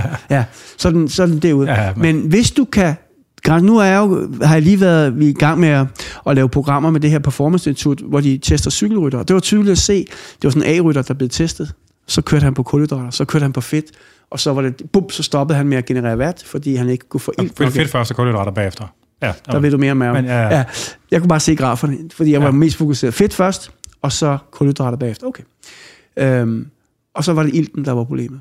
Og så stoppede han, og så sagde ham her, coachen, øh, du har to muligheder. Enten kan du gå den, kan man sige, idrætslægefaglige tilgang og se, om du kan gøre noget medicin, eller også er den naturlige vej, og han står lige ved siden af her. Og måske skræmte jeg ham lidt, tror jeg, fordi jeg blev hyper, fordi wow, en A-rytter. Jeg vil drømme at arbejde med sådan nogle mennesker. Så du, du, du mener, at man kan øge hematokritten med ja. vejrtrækningstræning? Ja, 100. Okay. 100 procent. Vi kan prøve det. Nej, øhm, altså, altså, det tager jo lidt tid, og det skal Det tager ikke kun tre minutter. Nej, nej, fordi hematokritten... Og... Nå, hematokritten er ja, selvfølgelig. Iltmætningen. Det er ja, der, nå, vi kan mener, se, at... Ja, så skal vi... Fordi man mener jo, eller jeg ved ikke, hvor bevis det er. Det gør jeg heller ikke. Jeg har aldrig, aldrig læst noget om det. Men nej, altså, jeg ved det heller ikke. Maybe. Jeg har en, uh, faktisk en, uh, ham, der har... Nu er det ikke så kendt endnu. En, en, en, en, en letter, som har studeret på Aalborg Universitet og lavet en uh, masters i Wim Hof-metoden uh, omkring stress. Og han er i virksomheds, virksomhedspraktik hos mig nu. Og, så jeg har fået en videnskabsmand øh, til rådighed, og vi gennemgår alle de her ting, og iltmætning er en af de ting, vi kigger på nu. Men der er videnskaben ikke helt enig. Nå, men altså, det er jo ikke, altså, det er jo ikke jeg kunne i princippet godt tro på, at hvis du kan have lang tids nok eksponering med lang, lav nok iltmætning, at så vil det være nok til det et signal. Ja. Det kunne jeg godt tro på. Ja. Altså, men jeg, men jeg kan ikke bare ikke huske, at jeg har læst noget om det. Så, så, Nej, men man ved det for, for, for ildtelte, at sove i ildtelte, at træne i højderne. Vi kender det fra sport. Øh, ja. og det er jo det, vi kan men simulere er, her. der er forskningen er også tvetydig, okay. faktisk. Ja, okay. ja, men det er forskning. Og det er jo... Øh, jamen altså, Nikolaj Norsborg her inden for Institut for Idræt, de har jo lavet rigtig meget af det der med ildtelte. Okay. Altså, ja. og, fordi det er, jo, det er jo en af de ting, der ligesom er en fast praksis blandt cykelryttere og triatleter. Præcis. Og sådan noget. Men, altså, men, men når man tester det, selv i folk, der er altså, relativt trænet også, så... Så er der tvivl. Det, det, det, altså nogle, en del af studierne, der gør det bare ikke nogen forskel. Det er interessant. Altså, og, og alle gør det. Alle cykler rundt i bjergene og ligger og, og det er ligesom om natten. De, ligesom de her keton-kost til skud, ikke, som ja. efter, hvad fanden var det nu det Team Sky, de brugte det jo. Øh, ja. Det år, hvor de smadrede alle til Tour de France. Ikke? Og så, brugte, så bruger alle det. Ikke? Og når man kigger på de, der, de studier, hvor man har givet folk ketonstoffer, så en tredjedel af dem, de viser faktisk, at folk performer, ej, det passer ikke helt. En del af studierne viser faktisk, at folk performer dårligere. og en tredjedel viser, at de performer bedre, og så den ja. sidste del, de viser, at det gør ikke nogen Der er ingen forskel. så er det, så er man lige vidt. Er det individuelle forskel, der gør det? Måske. Er det placebo? Hvad er det? Nå, men det er jo, jo, jo, men altså, man mener, at det kan jo sagtens være, at det handler om individuelle forskel. Der er nogen, der responderer, og nogen, der ikke Sådan responderer. er det jo. Vi, det, der er jo corona, øh, ikke fordi vi skal hænge os i det overhovedet, men det er jo et meget godt eksempel på, at nogen reagerer på folk, der er i topform og alt muligt. De bliver ved at dø af det, og, og en eller anden, øh, der ikke laver noget, sidder på bodegaen, han bliver ikke ramt, eller hun bliver ikke ramt af det. Altså. Jeg kender mange unge, raske, trænende mennesker, der blev rigtig, rigtig syge. Dødssyge af det, ja. ja. ja. Der er faktisk en dernede, hvor jeg træner, som har fået altså, perma- altså skade på lungerne permanent. Wow. Altså markant lungefunktionstab ikke? af en Wow. ung trænet fyr. Ikke? Ja. Det er bare sur røv, Johnny Boy.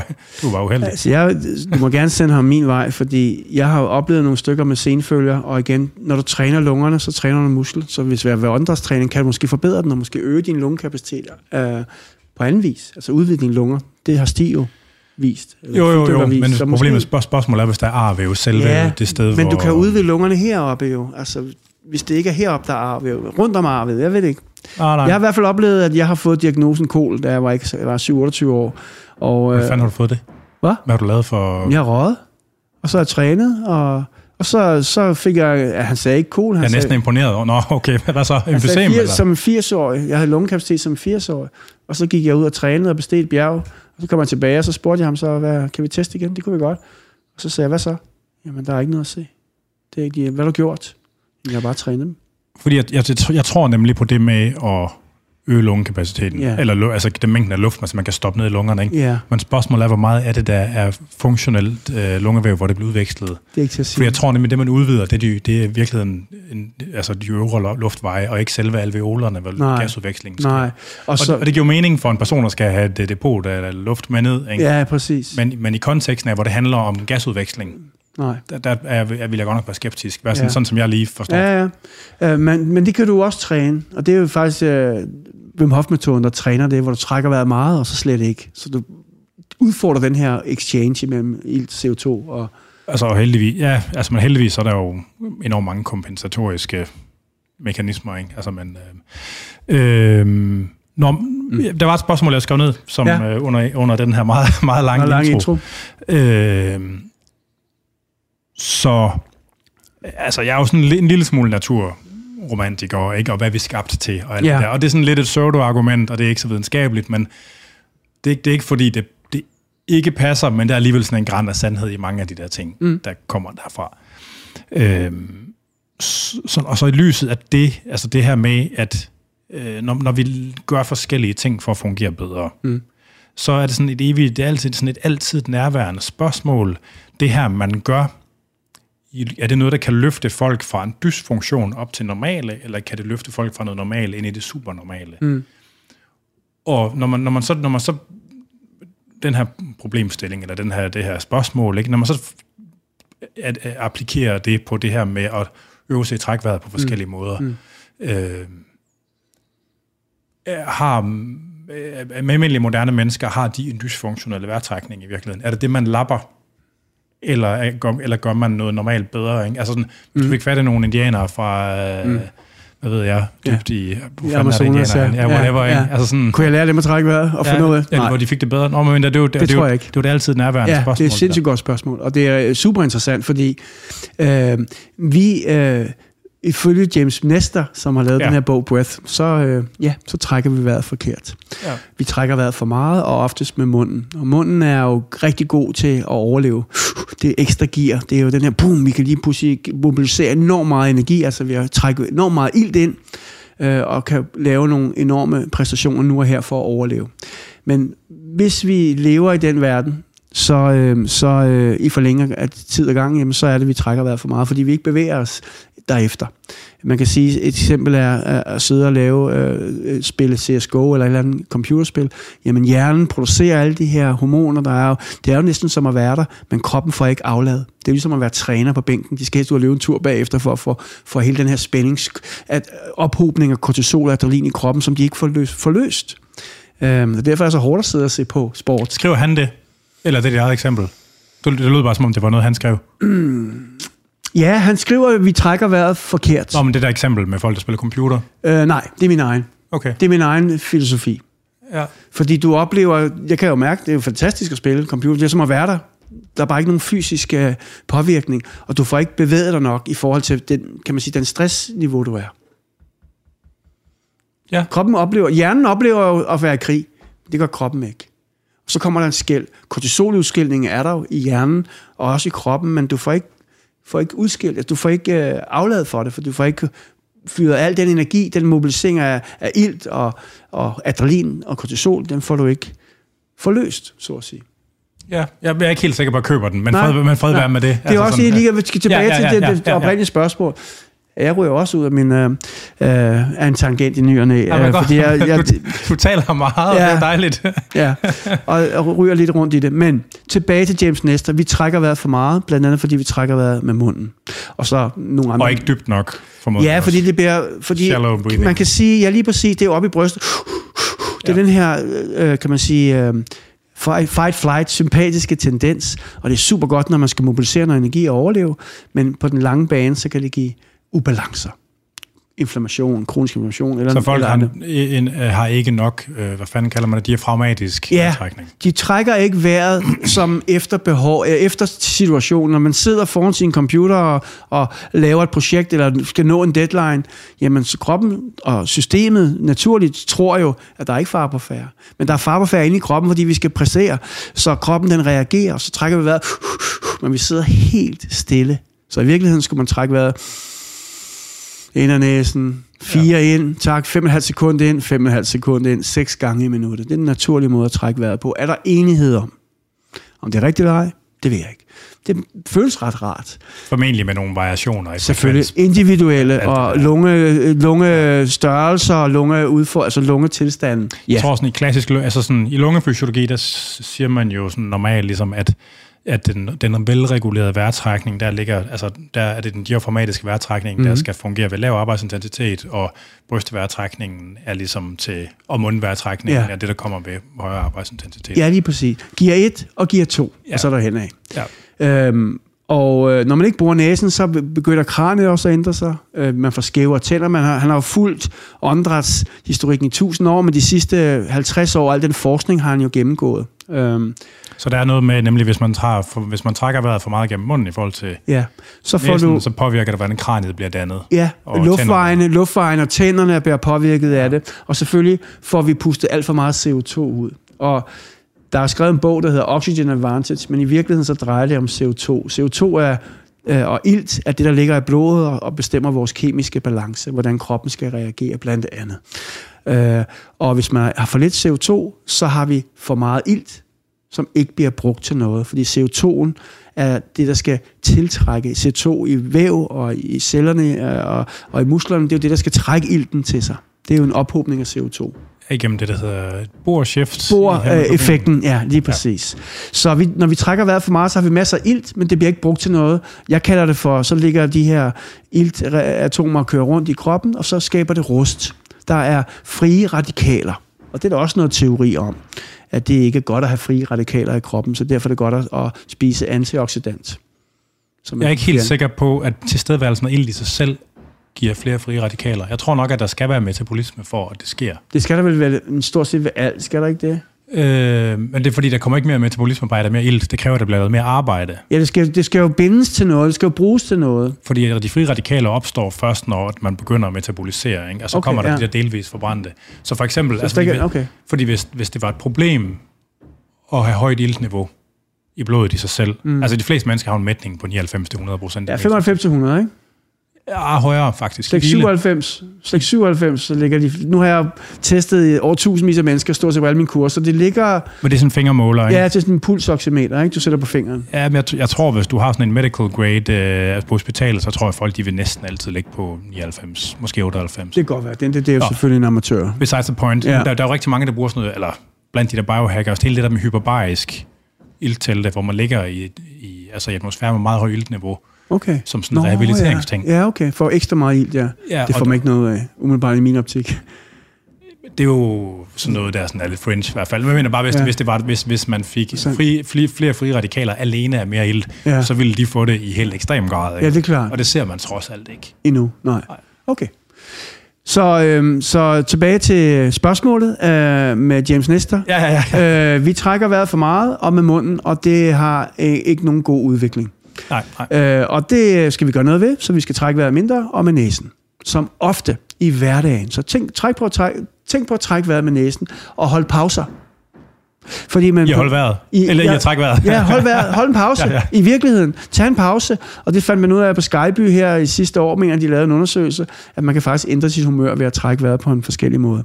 Og, og det er jo super enkelt. Blodkarrene i hjernen, øh, når du trækker vejret ind, så får de jo ilt, og når du puster ud, ah, så slipper de CO2. Sådan arbejder det. Og når du trækker vejret for hurtigt, så, så, så, er der, så er der ikke ro på. Og når du så holder vejret, så får du dejlig fred. Og det er derfor, ja. hvis man trækker vejret ind og ud, så får du balance i kroppen, men hvis du trækker vejret ind, holder, puster ud og holder, altså den fulde Navy SEALs anbefalede box breathing tilgang, jamen, det er jo fantastisk. Og på et par minutter kan man jo mærke en kæmpe forskel i kroppen. Ja. Bare det, jeg gjorde det en gang nu, kunne jeg mærke, at jeg fik ro på. ja. Og mere skal det er jo, ikke til. altså, så, altså, så, så øh, hvad kan man sige, vejrtrækning er et produkt af vores nerve, om, altså, det er jo det med, man har det, man har det, det somatiske nervesystem, det er alting, vi kan kontrollere, det er også nogle af de ting, vi ikke sådan kan umiddelbart kan kontrollere bevidst. Ja. Og der er de her to grene, det sympatiske, som er Aktiv fight or flight, fight, flight. Og, og det parasympatiske, som er rest and digest, Brug og fordøjelse og og, seksuel, og seksuel funktion og sådan noget. Præcis. Og, og når vi taler om op, så er det en ting, der ligesom sparker det over i den sympatiske yeah. side, og ned det er ting, der sparker det over i den parasympatiske side. Ja. Og, og hvis, man, hvis jeg forskrækker dig, eller, ja. så vil du begynde at trække vejret hurtigere. Fordi, Træn indånding, ja, lige præcis. og, og det, altså, det, det, det, det er jo fuldstændig det er indiskutabelt, at det, det også går den anden vej. At, Selvfølgelig. at hvis, selv hvis jeg sidder afslappet og begynder at hyperventilere, så vil man formentlig se stigninger i adrenalin. Og, Og puls og, ja, alt, alt det der. Yes, lige præcis. Så, den, så, så det er et af de eneste steder, hvor vi har sådan, eller et af de steder, hvor vi har den mest direkte tovejskommunikation Ja. imellem handlinger, vi kan gøre, og de her to ben i det Ja, som vi ikke kan- gøre. Jeg har ikke behov for at gøre noget ved det. Kører helt af sig selv. Og der, hvor det bliver spændende, det er jo, post, det er jo påstand om, hvad det gør, eller hvad det ikke gør. Ja. Og det er jo... Altså, Det er meget det, spændende. Det er der, hvor det... Altså, Ja. Det er rigtig spændende. Fordi for det første i, i Danmark er vi ikke helt med på noderne, fordi der står, at man ikke kan modellere sit autonome nervesystem på sundhed.dk. Det synes jeg er lidt interessant, for det er det, Wim Hof beviste i 2012. Øh, grunden til det, det kan jeg ikke svare på, men jeg synes, det er interessant, hvis man ændrer det altså er faktum... simpelthen, det er jo formentlig, så er det semantik. Altså, det handler om, hvad betyder modulere og sådan noget. Hvis jeg forskrækker dig, så modulerer jeg fandme dit autonome nervesystem. det gør det i hvert fald. Altså Altså sådan- påvirker, så vil jeg hellere sige påvirke det positivt. Eller hvis jeg giver dig back rubs, Ja, ja så, så, så falder det, det er jeg... formentlig også, altså, sådan, mener, altså, Ja. så det er formentlig semantik. Ikke? Ja, Fordi det tror jeg ikke, der er nogen, der i virkeligheden er i tvivl om. Nej, lige præcis. Det er jo så, og er også meget sjovt, du har nævnt det nogle gange, biohacking, men det her, det er jo breathwork biohacking. Ved Ja, hjælp ja. af at styre dit autonome nervesystem, eller kontrollere det, eller påvirke det, eller manipulere det, eller hvad det ord, du nu vil bruge, så kan du sætte dig i tilstanden, som er fordrende for dig i den situation nu. For eksempel, hvis du skal sove, og du er helt op at køre, fordi kampen, den, du vandt den, eller tabte den, eller... Så kan man komme ned. Du kan komme ned lige præcis med lange, dybe udåndinger. Og hvis du skal ind til et møde, som er meget vigtigt, og du ikke rigtig er der, så kan du lige hive dig op. Ja. Og det er jo genialt. Fordi åndedrættet er med dig hvor som helst og når som helst. Og det er jo biohacking. Altså, jeg bliver stresset af at se og følge med i biohacking, så det er jeg stoppet med. Fordi, fordi du skal hele tiden gøre det rigtigt, så er du hele tiden forkert. Og, og jeg kan også godt lide den... Jeg kan lide mange ting med Wim Hof, må jeg indrømme. Fordi han har også været den, som har sagt, og meget tydeligt, du kan ikke gøre det forkert. Og det med, at vi gør det forkert, uh, her, så mister vi noget, vi trækker ikke vejret rigtigt. Nej, men det er ligegyldigt, hvordan du trækker vejret, bare du har princippet for øjet, ind for energi, ud for ro, ind og ud i lige længde for balance. Så kan du lege med det, og så vil du kunne mærke effekten. Det kan altid blive bedre, jo mere du gør, ligesom at træne. Men ja. man får effekten nu og her og mærker, wow. Så derfor jeg prøver at lave de her små workshops, hvor folk bare kan komme og prøve det, og så fyrer jeg den bare af, så de Spørgsmål. får en... Spørgsmål. Ja. Så når, når, når øh, hver indtrækningen nok, altså du, du beskriver, den er mere knyttet til Sympatiske og udåndingen er knyttet til parasympatikus Ja, på en eller anden hvis måde. man kan gøre det sort og hvidt. Så meget, ja. Ja, så meget Groft, ikke? Ja. Øh, oplever du, at den er trænerbar effekten af, altså hvis du, hvis du, har, hvis du har, har, er i gang med at lave en vejrtrækningspraksis, der enten er sympatisk eller parasympatisk domineret, Ja. Oplever du ligesom, at du opnår målet, at du hurtigere kommer ind i den tilstand, at den, den overgang, oplever du, den er trænerbar? Ja, til dels. Fordi det er meditation jo, Ja, noget omfang. Præcis. Der, der er ikke noget forskel på meditation og det her. Det her, det er bare en, lidt- en smutvej ind til en dybere Fysiologisk meditation. Ja, eller- det er en dynamisk fysiolog. Du ændrer jo din fysiologi, fordi du ændrer din kemi, og det vil påvirke du, manipulerer du øh, tilstanden. Så jeg har efter de her år, jeg nu arbejder med det, har jo trænet en del, der har mediteret. De siger det som en, den tilstand, du er i efter 20-30 minutters åndedræts træning, og du så ligger og holder vejret og er i ro bagefter, eller ikke holder vejret, men er bagefter, at det er som 10-12 års erfaring, øh, hvis man har mediteret ofte 10-12 år, så, mærker, så kan man komme ind i den her dybe, afslappede tilstand. Og det gør man efter en åndedrætssession. Så det er jo ret cool, at man bare på 20 minutter kan få den her dybe, dybe forståelse for, hvad vi mennesker er i stand til. ja.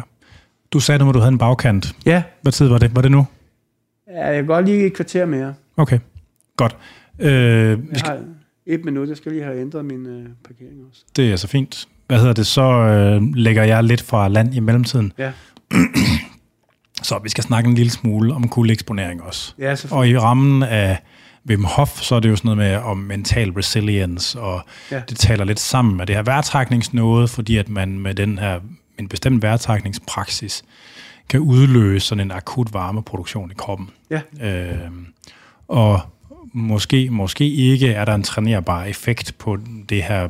Altså, øh, så den- den, funktion i kroppen, der udløser varmen, det stammer fra en mekanisme, der primært findes i brun fedt hos børn, men som kan findes i hvidt fedt og muskler på voksne også, og som øh, formentlig er trænerbar med langvarig kuldeeksponering. Det menes. Øh, og spørgsmålet er, om den er det med vejrtrækningspraksis. Det er sværere at... Det er derfor, at jury, juryen er i hvert fald ude på den. De voterer stadigvæk. Ja, ja. Altså, ja. Og, øh, og det været kæmpestort. Og man ser jo alle de her crossfitter, alle de her strongmen, de laver kuldeeksponering og gør det i en restitutionskontekst. Ja, Og jeg har jo så fuldt forskningen i det her, i forhold til Ja. træningstilpasning. Og mm. der er jo det her med, at det er rigtigt nok, at kuldeeksponering, det øh, fjerner træningsøm. Eller det, eller det gør man der mindre, mindre øm. Ja, ja, Og ja. Øh, man holder hurtigere klar igen. Ja. Men det er også det med, det, det hæmmer træningstilpasninger. Ret markant, for så vidt angår styrke og muskelvækst. ja. Som i... Øh, altså 50 procent, tror jeg nok, i de studier. Ikke? Nej, det er ret store tal. Så man kan sige, godt, man kan sige, det giver mening i rammen af en træningslejr, hvor du skal kunne klemme tre træninger Ja, ekstra meget, ja. Lige i præcis. en uge. Ikke? Jo. Men det der med, det som sådan en fast praksis, ikke? når ser de der strongmen, som jeg ved, der er krudtet op, ikke? Altså sådan, og så folk efterligner dem, uden at være, altså sådan, det bliver sådan lidt, altså hvor er du henne i, i det der nu? Altså fordi en ting, en ting, det er jo noget med, at det, det der inflammation, man har i musklerne, eller i kroppen i forbindelse med træning, noget af det er godt, Noget er da godt, og ja. noget af det er skidt. Ikke? Ja, lige præcis. Og, Og det, er den, det er jo også det, som man har dopet sig tidligere for at undgå doms, så man kan blive ved med at træne, den her Ja, ja, ja, ja. muskelumhed. Og det er lidt det samme med, med det kolde. Øhm, øhm, det nye samarbejde med den her Performance Institute kommer, fordi de netop ikke har øh, det her til tilbud til deres atleter, øh, bliver interessant, for så kan vi måle det. Øh, min erfaring med det er selvfølgelig, at øh, jamen det, det, det virker jo selvfølgelig, og man kan også nu, som vi talte om tidligere, bruge det under træning, altså have en bevidsthed omkring kulde under, og sørge for at klæde sig mindre øh, varm på, og måske på en eller anden måde kulde imponere. Det, den her cykelrytter, som jeg nævnte, som blev måske blæst lidt bagover, da jeg fik mulighed for at tale med ham, og sagde, du skal da, dit cykelstyr skal der være 14 grader, så du lige tager handskerne af og lige køler ned musklerne, og og det kan man jo faktisk måske ikke, det er jo teknologidoping, det ved ikke, man må.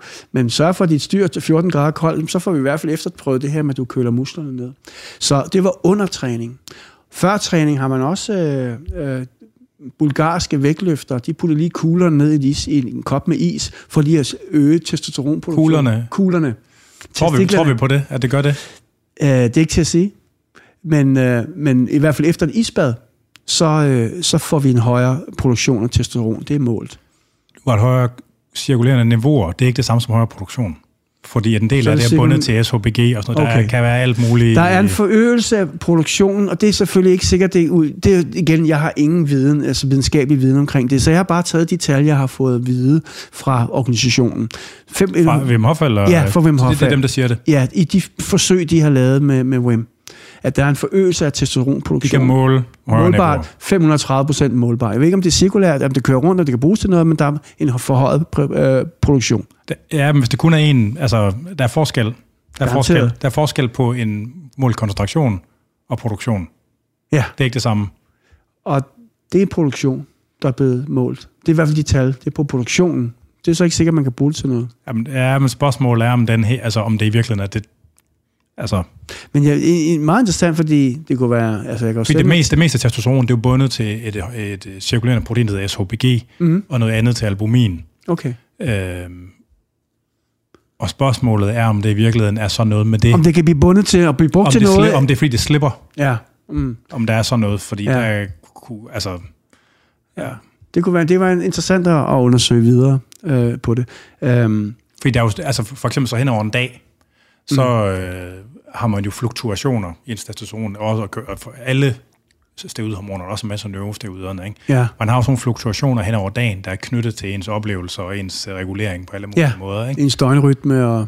Ja, som, som ikke nødvendigvis har noget at gøre med træningstilpasninger, Nej. eller... Nej, det er sådan noget, der ligger under sådan noget default til netværk eller default til produktion. Ja, og, sp- altså, og spørgsmålet er jo, altså, hvor, hvor, hvad, hvad det virkelig betyder. Ikke? Fordi, Mhm. mm. Og det er jo en af de ting, som, hvor det der biohacker noget, det, det hurtigt kommer til at genere mig. Mm. Fordi at man, man, der er forskel, det er meget vigtigt at skelne mellem outcomes og biomarkører. Ja. Så et outcome, det kan ja. være for influenza eller ej, Ja, mens biomarkøren, det er mængden af hvide øh, blodceller ja. eller et eller andet cytokin. Ikke? ja, Og det, der, der, sker meget ofte det, at når man, tager, at, at, at man taler om biomarkører, som om det har samme validitet som outcomes. Ja. Og, og, når man sådan, og når man, altså uden at vide noget specifikt lige om den der situation, Ja, ja, ja. ikke? men meget ofte så er det sådan, at der sker bare meget mere med biomarkørerne, end i virkeligheden. end der sker på outcomes. Ja, Men det, er meget, men det er meget sexet, og det lyder mekanistisk. Det lyder, det lyder virkelig, som om man ved, Ja. hvad man taler om, når Ja, man siger, om det der hormon og den der ting, den stiger. præcis. Jeg siger, jamen, hvad, hvad er outcomes? får du noget ud af det udbytte.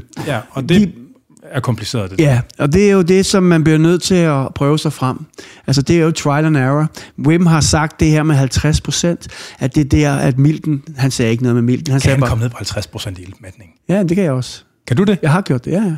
Og det er bare, jeg har fundet en måde, jeg kan hacke det på. I nat så lå jeg to timer og prøvede, jeg kunne kun komme ned på 70, Ja. fordi jeg har trænet det her så meget. Og du har, har du været nede på 50? Ja, ja, ja. Nå. Det har jeg. Og i går var der en, havde jeg en klient, hvor vi arbejdede, eller en klient, en kunde på min kursus, som havde stroma. Og der, det kunne være interessant at se, om man kunne gøre noget med sit immunforsvar. Det er det, Wim påstår. At hvis du har stroma, så kan du bypasse øh, stromans funktion ved at bruge penalkirten til at producere de hormoner. Det lyder som fucking bullshit. Det er jeg ked af at sige. Nej, men det er Den jo fint. Og det er jo det, det, er jo det, jeg skal efterprøve. Nu har jeg spurgt ham, hvordan får vi den til at ske? 50% ildmætning. Det giver jo mening. Og når man så taler med den her læge, der sagde, jamen så milten den slipper. Om det sker eller ej, nu må hun prøve det af. Hun skal, jeg laver en protokol til hende, som kommer ned i 50% ildmætning. Ja.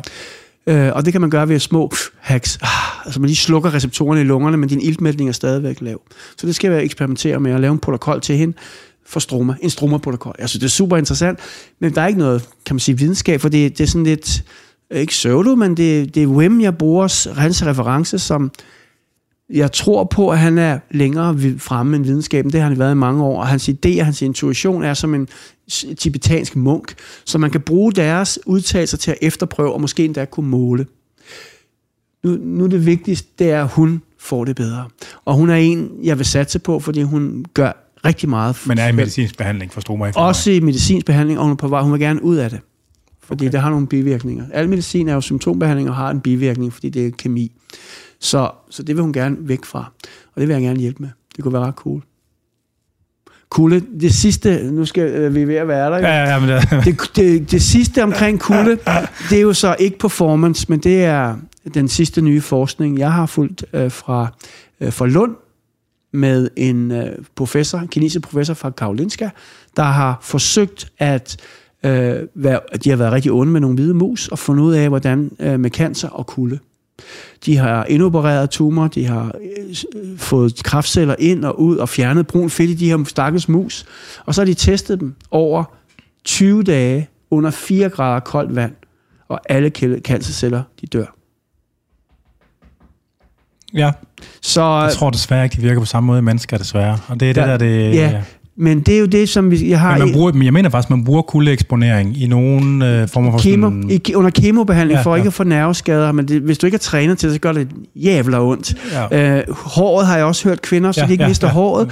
Øh, hænder og fødder, så de ikke får nerveskader der. Så kulden er der allerede i, i kan man sige, i, inden over. Det er rigtig, man, man kan kulde have det, ja. Det er ja, rigtigt, ja. Kunne man, kunne man tilbyde det som et forsøg? Det tager bare 20 dage. Øh, jeg har en, som vil gøre det. Som, det er bare så sind, altså det der med at lave forsøg med mennesker. Det, det er, jamen, det er ikke umuligt, det er bare Ej, fucking bøvlet. Og det koster... Der skal og, så meget til. Ja, 16.000 altså. mennesker gange tre, ikke? For kontrolgrupper og, Nå, ikke. og en placebo-gruppe. Nå, men det ved jeg ikke. Altså, det fungerer jo sådan nu om dagen, at man skal lave en poweranalyse. Så du skal kende spredningen i den type data, du måler på. Mm. Og du skal vide noget om, hvor stor en type af øh, effekt, du vil kunne måle med hvilken sandsynlighed. Mm. Når man har gjort det, så kan man lave det, der hedder en poweranalyse, som så regnet for mange forsøgspersoner, du skal bruge. Okay, for at få et repræsentativt øh, ja. resultat. Og mange tidsskrifter, der er det faktisk et krav, at du har lavet en poweranalyse. Du skal kunne dokumentere, at du har lavet en poweranalyse, før du laver studiet. Ja. For ellers risikerer man jo faktisk at lave og designe underpowered studier. Ja, selvfølgelig. Og det, så det er, sådan, det er sådan en eksercits, du kan lave dig så hjemme selv, faktisk. Okay. Altså, der er, der, er, der er powerberegnere på internettet, altså det okay. er ikke svært. interessant. Så bare fordi der er otte personer i et studie, så er det ikke sikkert, at det, at der er for få forsøgspersoner. Det afhænger udelukkende, ah, det afhænger ja. udelukkende af, hvad den poweranalyse den siger. Interessant. Det, det skal statistisk være, ja, det er meget fedt. Fordi hvis du ved, at det du måler, at, du, at det kan du måle med en utrolig stor sikkerhed, ja. at der er meget lille øh, Nå, statistisk støj fra selve måleteknikken, ja, ja, ja. så kan man sige, så, så skal du jo ikke, og så skal du jo ikke nødvendigvis bruge særlig mange personer for at kunne få en, ah kunne måle forskel på 5 eller 10 procent. Ja, okay. Så det, det kommer af det. Det der med de høje tal, det er jo det, det er, fordi, det stammer fra observationelt, de her befolkningsstudier. Ikke? Mm. Og det er en helt anden type statistik, okay. man laver der. Altså, så det er en helt anden... Så poweranalysen er super vigtig? Det der super, altså på interventionsforskning, der er det altafgørende. For det er sådan, man, altså det er sådan en, man, de der folk, du snakker med, det kan de også godt finde Ja, ja, præcis. Altså, men det hedder en poweranalyse, okay. som grundlæggende laver. Fordi det er netop sådan, jeg synes, det er interessant, og hvis, uh, selvfølgelig er det vigtigste, at vi kan hjælpe nogen, at nogen kan, i virkeligheden er det jo bare, jeg er her for at hjælpe mig, for at forsøge at hjælpe andre med at hjælpe sig selv, for ja. at hjælpe mig. Jeg gør, det, jeg gør det, fordi at det giver så meget mening. Alt det, alt det hårde, jeg har været igennem i min barndom, alle de sygdomme, jeg har været udsat for, alt det hårde træ, alt det her, at jeg kan, ud af den erfaring, kan, kan hjælpe andre mennesker måske til at gøre det kortere. Wim har gjort det på 33 år, jeg har gjort det på 3 år. Jeg kan gøre det for 3 måneder, hvis du bruger min model. Fordi det er jo klart, jeg har jo lavet alle fejlene. Jeg har kørt i bil og lavet SOS i bilen og været besvimet. Jeg har besvimet i, i min, mit uh, brusebad, fordi jeg skulle lave en tumormeditation, brun fedtaktivering og kom til at trykke det op i hovedet og så slukke kontakten. Og, ja. Jeg har også lavet den der i bil engang, det var ikke godt. Nej, men jeg har gjort det mange gange. Der skete ja. jo ikke noget. Men så har jeg lige været i Holland og trukket vejret rigtig meget, så har jeg fået hul igennem. Og der var der. Ja, lidt for meget. Og en af mine venner ringede også til mig en dag. Ham træner med i starten. Han boede i Aarhus. Han sagde, Bio, Bio, jeg har gjort det. Hvad har du gjort? Jeg har gjort det. Hvad har du gjort? Jeg har gjort. Hvor har du gjort det? Nej, nej, på motorvejen. Han smadrede sin bil, men der skete ham ikke noget. Nu kører han i en Tesla og fik et nyt job. Ja. Men puha. Den er ikke god. Nej, og der er også en, der har nogle stykker, der har gjort det i vandet og i swimmingpool og sådan noget. Ikke? Ja. Og det er selvfølgelig rigtig kedelig ud, udgangs, eller ud, ud, udgang. Og det er faktisk det, der kommer i Scotts øh, video nu her, om hvor mange der er døde af Wim Hof-metoden. Ouch. Men det er jo ikke noget med Wim Hof-metoden at gøre. Men, men Enum og Scott er blevet uvenner. Jo, men der kan godt være noget i den diskurs, der er omkring, Jamen, hvordan man bruger det. Fordi hvis 100 diskursen den er, Ja, meget, om- hvis den er meget kvantitativ og materialistisk måske i virkeligheden, Ja, resultatorienteret. Resultatorienteret, wow, ikke? maskulint. Og så trækker det i det der. det, jamen, det er rigtigt, og jeg er enig, og det skal ud. Og han er journalist, ligesom du er uvildig, du vil gerne nysgerrig på, hvad der, der foregår. Så derfor synes jeg, det er fedt, at det kommer. Fordi Wim Hof-metoden er fuldstændig fantastisk. Den har reddet mit, eller metoden har, manden har gjort, at jeg kunne gøre noget ved min situation, og har fået et, et nyt, nyt liv som bokser, har jeg fået mig second wind. Ja. Altså, jeg går efter verdensmesterskabet nu. Jeg tror på det. Jeg har luften til det. øh, præcis. Meget positivt. Sjovt. Metafor. Øh, ja, lige præcis. Men, men, der, men manden er traumatiseret, det kan jeg jo mærke. Fordi det minder mig om min barndom. Så jeg kan jo mærke, der sker noget i det her. og Jeg synes, det er rigtig, rigtig synd. Som jeg også nævnte, før vi gik på med dem her, som jeg har fået erfaring med, hvordan man skal, ikke skal lave forretninger, eller hvordan jeg ikke skal lave forretninger, hvem jeg ikke skal arbejde med. At, at, at det er så lidt, der skal til, før vi kan vente verden. Men folk har så meget øh, bundet op på prestige, penge. Det er pisse, det er pisse synd, undskyld mit franske. Ja, ja. Det er så ærgerligt, fordi jamen, vi kunne have det så fedt, og alle kunne have det godt. Ja. Men vi skal lige have ændret vores mindset. Jeg har for 10 år siden, kunne jeg ikke gennemskue det her. Nu kan er jeg forstå der er det. en vigtig ting, man skal fange. Det er, at man kan ikke redde alle. Nej, Der er nogen, man kan nå, og så er der nogen, man ikke kan nå. og det er jeg ved at lære. Og det er man nødt til at slå, slå Du bliver med. nødt til at gøre, ja, du bliver nødt til at sige nej til noget. Jeg har også faktisk begyndt at sige nej til jobs. Og det, øh, det er jo selvfølgelig et luksusproblem, men det gør ondt, og det er mega ubehageligt. Men netop for, ja, hvis du vil gøre en forskel, min kære ven, Biver Hansen, så bliver du nødt til at være klar, tydelig og øh, tage fat i dem, der er størst sandsynlighed for at lykkes med det her. Og det gør jeg nu her i en mesterlærer. Så jeg har taget den til mig, for jeg bliver dybt frustreret, hvis jeg ikke kan hjælpe nogen, som du nok kan forstå. Og, og jeg kan jo ikke trække vejret for dem. Og det er det sværeste at gøre. Alle kan gå i koldt vand, og de fleste på kurser begynder at kuldetræne. Fordi det er enkelt, og det er ret fedt. Man bliver ret stolt, og man kan mærke det med det samme. Men at lægge sig ned og trække vejret, og der kan nogle gange kan der gå 5, 10, 20 minutter, før der sker noget overhovedet, ja. Fordi egoet styrer. Men tro mig, jeg har fanget egoet, og det tror jeg også andre kan. Jeg kan se det på mine kurser, bare på få timer kan de forstå det her. Og jeg kalder det jo ikke for nogen metode. Jeg kunne kalde det for Bio Hans metode, men det synes jeg lyder rigtig hult. Jeg kalder det for Your Name Method. Så du finder din egen metode ud fra de principper, der ligger. Og de er jo super simple. Bag alle åndedrætsmetoder i dag ligger der ind og ud, det er mekanikken, og så værholdet. Men så effekten af det er hurtigt langsomt, eller slet ikke. That's it. Ja. Og det er lige meget, om den hedder trauma, trauma inform, conscious connection breathing, functional breathing, you name it, og der kommer flere bioflow, hedder jeg, hørte jeg lige i går. Der kommer så mange breathwork metoder. Huberman har sikkert et par stykker på vej. Han har også et par stykker cyclic hyperventilation with breath retention. Der er så mange, og jeg beklager på mit fags vegne. Undskyld at vi forvirrer her i starten, men alle skal lige på plads. Alle forretningsfolk med alle marketingsmaskinerne skal lige ud og få lov at fyre den her af, fordi breathwork bliver større end yoga. Fordi alle kan ikke stå på hovedet. Og det har man fundet ud af er rigtig effektivt. Og jo, yoga også for den sags skyld. Men alle kan trække vejret. Og de fleste af os er ret gode til at trække maven ind. Det er det eneste, det kræver for lige at træne. Og skubbe lidt op i hjernen, lidt blod op i hjernen med ekstra ilt, og træne dit kredsløb i hovedet. Det er derfor, man kan besvime. Så derfor skal man aldrig gøre det stående i vand eller berettet i en bil. Nej. Det er effektivt. Det vil altså være din øh, næst sidste ord. De sidste ord, den afmelding, fulde navn, hvor kan man følge med i Yes. dit øh, arbejde? Jeg hedder Biver Hansen, og jeg tror, jeg er den eneste i Danmark, der hedder Hansen med Z. Jeg har lavet nomologi på mig selv. Koster, koster kun 400 kroner, øh, fordi Hansen går ud med min søn, det, det dør. Øh, jamen Hansen med Z. Øh, jeg er åndedræt og kuldeterapeut og kan findes øh, på alle sociale medier. Jeg spammer derud af, fordi det her det er så vigtigt, det skal ud. Og jeg vil godt slutte af med, at ja, det skal på folkeskoleskemaet, så hvis du er derude, lærer nogen, jamen så tag fat i mig. Øh, jeg er på efterskoler i Kataminde, der kan I få en håndgribelig effekt af, af, af træk vejret på en efterskole for unge mennesker. Og så min sidste nye drøm, det er Wild Breath. Den eneste grund til, at vi kan få Wim Hof til Danmark, det er, hvis kronprinsen, det ved jeg, er med. Og kronprinsen ved godt, at jeg har den her plan. Så Frederik, hvis du lytter, så, øh, for du er interesseret i sport. Alle kan ikke løbe, men alle kan trække vejret. Og hvis vi kan få dig med, så kan vi også få Wim med. Det kunne være cool, kunne det ikke? Det kunne være koldt. Det kunne være rigtig koldt. Og det er faktisk cool, åndedræt det er ikke noget kulde. Vi gider ikke det kolde der. Puh, nu skal vi have sommer og varme. Men vi kan stadig trække vejret. Fedt. Hvad hedder det? Jamen, det var det. Øh, tak fordi du kom. Selv tak. Du har lyttet til Fitness MK. Jeg hedder Anders Nedergaard, og du kan lytte med til den her og de andre episoder af Fitness MK på stream og podcast. De kan streames inden fra andersnedergaard.dk eller fra vores host Omni, og de kan podcastes fra alle de store podcasttjenester. De gamle afsnit fra Radio 24-7-tiden, de forfindes stadig, men de findes nu på den nye 24-7-app og på websitet i et separat podcast feed, that is. Programmet er produceret af Jonas Pedersen, og I skal være velkommen til at skrive ind stadigvæk, og det er på afn eller på programmets Facebook-side eller Instagram.